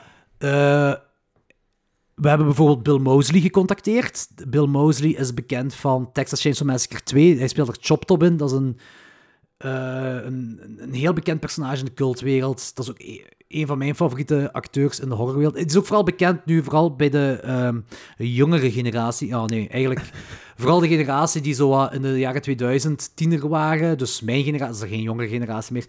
Maar hij heeft een, uh, de Rob Zombie uh, films, heeft hem uh, Otis gespeeld. Ik weet niet of je House of Thousand Corpses of... Uh, hoe heet die sequel nu weer?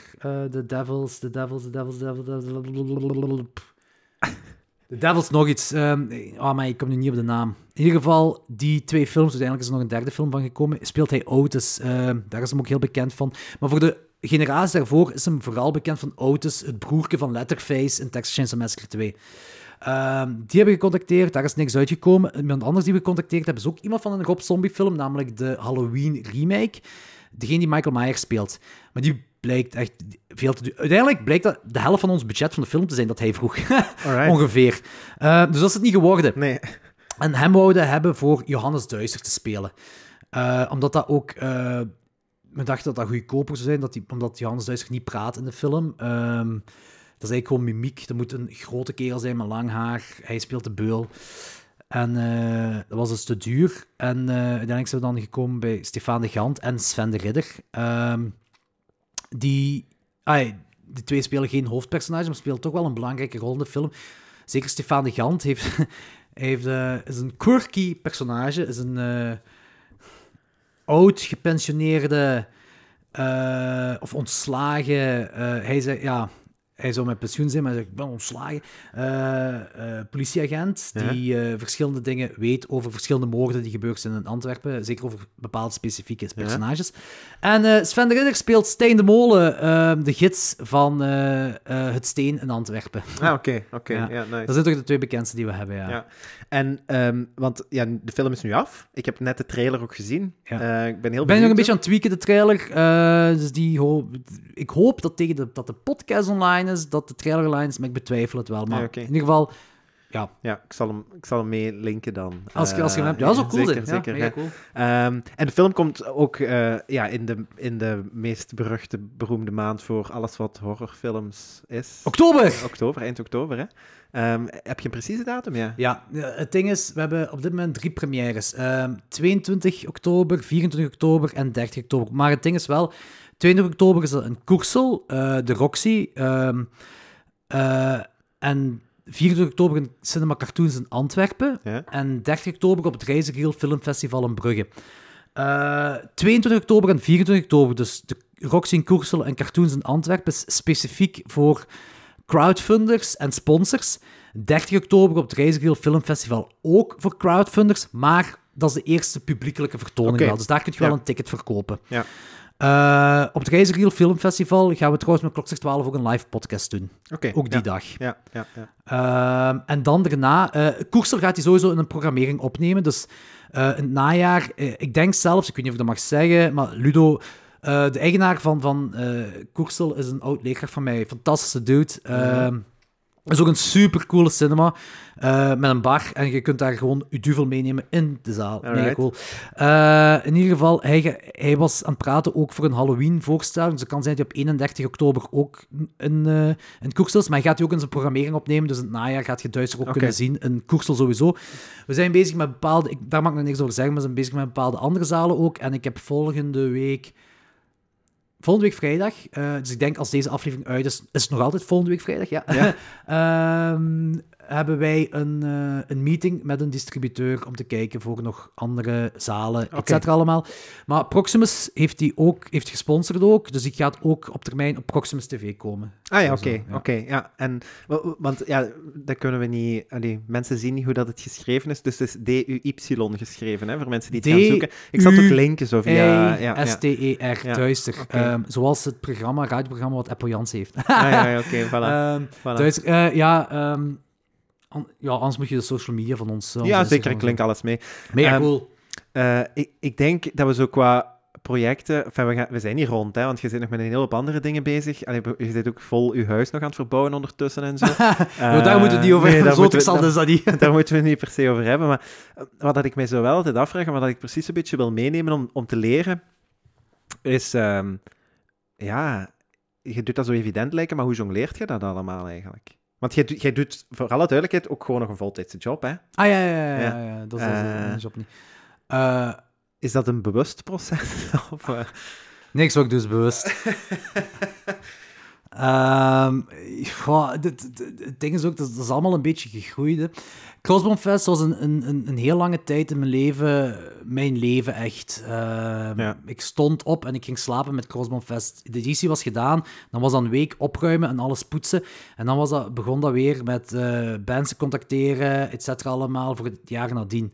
Ehm, dus da- daar stak ik heel veel, heel veel tijd in. Maar dat was ook in, in de tijd toen ik... eh, ik woonde nog... Zeker in het begin woonde ik nog bij mijn ouders.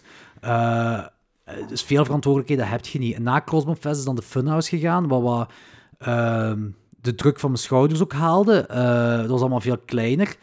Ehm, en dan ben ik klokslag 12 begonnen, omdat dat is gewoon een andere passie is film kijken. Dus ja, dan gaat je daarin verder. En dan kijk je die films, dan begint je zo wat te experimenteren met, met het monteren ervan. En daar begint je ook te groeien en dan begint je daar meer tijd in te stoppen.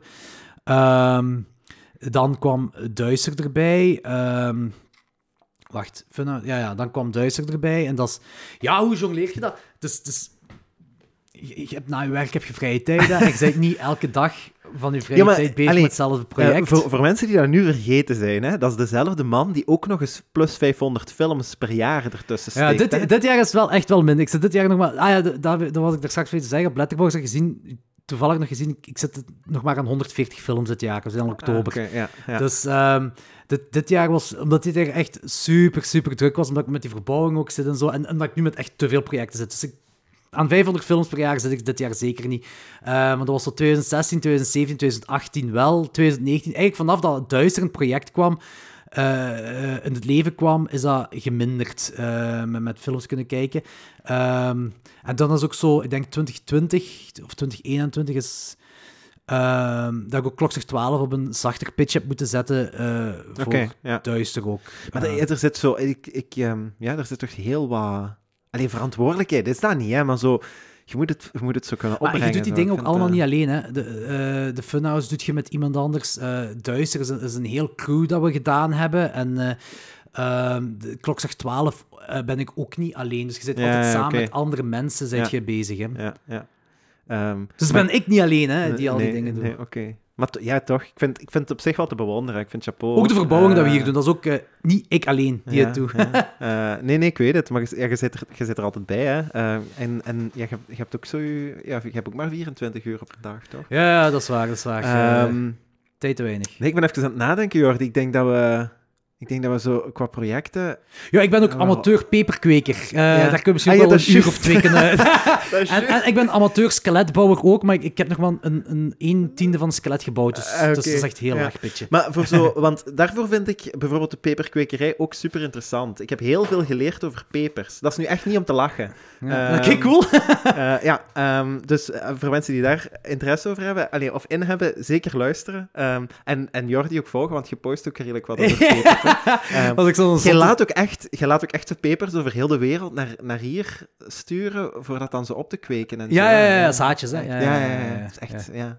eh, ook, ja. En, nee, dat is niet waanzin, maar ja, je moet erop komen. Ik weet, het niet, ik weet niet hoe ik dat, hoe ik dat moet uitleggen. Eh, ja, het is te onnozel. Het is al, al die... Ja, het is onnozel eigenlijk, hè. Maar ja, Ehm, het is plezant om te doen. Ja, zeker. Het is dat om zeker. te doen. En ook zo, je moet denken...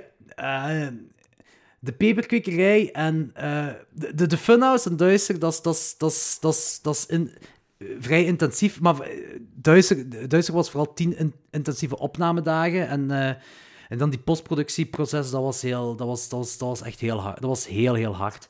Ehm, en nu, ja, nu ben ik op dit moment ben ik die trailer nog wel aan het tweaken, dit en dat. En dan is hier en daar nog een vergadering dat komt, maar, maar uiteindelijk geraakt dat wel minder. Nu komen de premières aan de filmfestivals, et cetera, allemaal. Eh, maar Klok zegt 12 en Peperkwekerij, dat is echt... Dat is, eh, eh,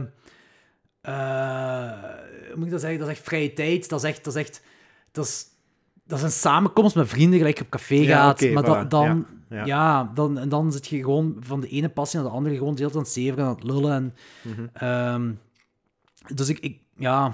Eh, Misschien, misschien wil ik ook gewoon zeggen, allee, jij vindt dat nu vanzelfsprekend, maar eh, alle mensen die ik tot nu toe geïnterviewd heb, en jij past een beetje in dat rijtje, zijn mensen die op een bepaald moment gewoon zoiets zijn beginnen doen. En dat, want je noemt dat nu passie, bijvoorbeeld. Ja, maar er zijn ja, aan de andere kant ook heel veel mensen die, ja, die, dan, die dat nooit doen. Of zo kijken naar andere mensen. Ja, waarom, wa- waarom vindt die zijn passie en ik niet? Maar je, ja, je, je doet gewoon dingen. Ehm, Ja, maar ik, ik vind, het, probleem, of probleem, ik weet niet of het een probleem is, het ding is ook zo, ik heb altijd duizend ideeën in mijn hoofd en, eh, eh, en, en, en eh, dan bijt ik me ergens aan vast en, en dan, en, om een of andere reden werkt dat wel, of zo, ik weet ook niet juist waarom. Ik, de- ik denk het beste voorbeeld is Crossbone Fest of de Funhouse nu, dat verder gaat. Dat is ook, je komt ook terecht in een community met allemaal like-minded people. ja, ja, ja. die ehm, je gaat, het ding is ook, ja, hoe moet ik dat zeggen? Ons leven, mij en, en, mijn vrienden, ons leven is ook echt van, alright, volgende week is er die niche band die niemand kent, speelt in de Music City voor tien man. Oh, fucking goed, we gaan naar daar, we gaan kapot amuseren. Maar je hebt die band daar, je hebt die mensen daar, en je hebt een andere band daar, met die mensen, en uiteindelijk komt je allemaal samen en dan heb je één groot feest als je dat allemaal bij elkaar zet. En dat, Ja, dat is iets zeker. tof om naartoe te werken dan. Zeker, ja, ja, zeker. En dat is ook cool als je ziet dat dat slaagt. Gelijk, eh, de Funhouse, dat geluk... Dat, dat je hebt ook een beetje geluk dat je erbij moet hebben. Met Crossbone Fest hebben we eh, iets opgebouwd eh, dat we niet hadden verwacht. Dus, dus je krijgt een bepaalde naam mee. Eh, en, en we hebben het geluk dat we met de Funhouse toch een deel van die naam hebben kunnen meenemen, waardoor we de eerste editie van de Funhouse al volk hadden en dat we niet de zotse namen u- eruit moesten halen. Ehm, en ik, voor de vorige editie, dat was dan 2019, want 2020 hebben we moeten cancelen door corona, dus 2019, bij de eerste band die dan speelde om, als ik me goed herinner, om drie uur namiddag, dat was Hamers. En toen hadden we gezellig druk om drie uur namiddag voor Hamers, in Genk. Voor een hardcore band in Genk, eh, om drie uur namiddag had je al een goed gevuld zaalke. Ja, Dat is magnifiek om te zien. Dat is Ja. gaaf dat die band daar al volk heeft, die, die mensen die geïnteresseerd zijn in die band om te kijken. ja, ja, zeker. Dus je hebt er zo wel een, hoe moet ik het zeggen, zo'n ehm, return on investment. Ja, ik eh, vind, ik vind dat mega cool. Ik vind dat heel gaaf. Eh, en daarmee dat ik ook zo'n beetje erop tegen is veel gezegd, maar zo van. Ik heb geen goesting om voor. Ik, ik, heb zeker deze week een en een half vragen. De vragen komen altijd: ja, waar kunnen we tickets kopen? Waar kunnen tickets kopen? Ik zeg ja, aan de kassa. Er is geen voorverkoop. Kom gewoon op tijd. Kom bij de eerste band. Begin om vier uur. eh, De eerste band speelt om vier uur, denk ik. En het is een, een band die nog niet aan deze kant heeft gespeeld. Serre, ik weet zelfs niet hoe je dat uitspreekt. C-E-R-E. Ehm, een band uit Brussel, als ik me goed... eh, als, ja, Brussel of ergens Wallonië, denk ik. Heel harde, heel zware band. Magnifiek graaf. Wees er gewoon bij. Zorg ervoor dat je het hebt meegemaakt. Oké. Eh, en dat, dat helpt wel van mensen die, die schrik hebben eh, dat ze later komen, dat ze geen ticket kunnen krijgen. Het gaat niet uitverkopen. Het Som, alhoewel, 2019 was juist uitverkocht, maar op laatste wel. Maar zo'n verbazen moest dat nu uitverkopen. Maar als je er op het begin bij zit, zit je er zeker dat je erbij kunt zijn. Ja, voilà. Eh, deuren open om? Eh, half vier. Half vier, alright. Ehm, Jordi, ehm, dikke merci om tijd te maken in een week zoals deze, want je hebt eh, zaterdag de Funhouse, eind deze maand staat de première van Duister eh, op dat affiche. Ehm, doe dat geweldig goed verder, ook met peperkwekerij. Pepers kweken op zich. Ja. En en met klokslag 12. Eh, mocht je ooit iemand nodig hebben die helemaal niks van horror kent, eh, dan mocht je bellen. Ah, Oké, Eh, wel, dat is goed maar, te weten. ehm, de, ja, bijdragen is dan misschien niet heel of zo. Ik weet het Nee, niet. dat is niet waar. Dat is, waar. Ehm, dat is het coole. als je mensen laat... ik, laat... ik, kijk het, ik bekijk het sowieso op een andere manier dan Voilà, jullie. dat, is al interessant. dat is al interessant. dat is een feit, dat is een feit. Kom je naar Ehm, Funhouse? Eh, Zaterdag. ik ga mijn best doen. Ik ga absoluut mijn best Wees op doen. tijd. Nee. Maar ik moet, ik, ik moet in Gent zijn. Ik zit zelf in een podcast in Gent. Ah ja, juist. Eh, je en dan eh, op, op de terugweg heb ik nog iemand beloofd dat ik, dat ik daar ook nog een pintje ging drinken. Ik hoor al heel veel excuses, Sandro. Nee, nee, maar ik, het is, ik moet pas om ben- vier uur in Gent zijn. Dus ja, tegen dat ik terug ben, ja. ah ja, zo. Ja, ja. Maar als het niet uitverkocht is, kom ik wel, kom ik wel even binnen. Hè. We gaan ook wel de social media's eh, gaan we ook wel updaten met van oké, er zijn nog zoveel tickets te kopen, zijn nog, of zoveel bandjes te kopen, zijn zoveel bandjes te Ah kopen. ja, oké, ik zal het in de gaten houden. ja. Nee, goed. Jordi, heel veel succes. Amuseer zaterdag misschien tot dan. het zou cool zijn. eh, voor de rest, ehm, ik kom terug als jij eh, uw, eh, uw volgende film... ah, oké, is eh, goed. wakens. Of een ander project, want die zijn er echt genoeg bij u. Ja, ja, Eh, er- komt nog wel iets anders Ja, uit voilà, er zal iets anders uit de bus komen. Jordi, doe dat geweldig verder. Wacht eens. Salutjes, man. Joehoe.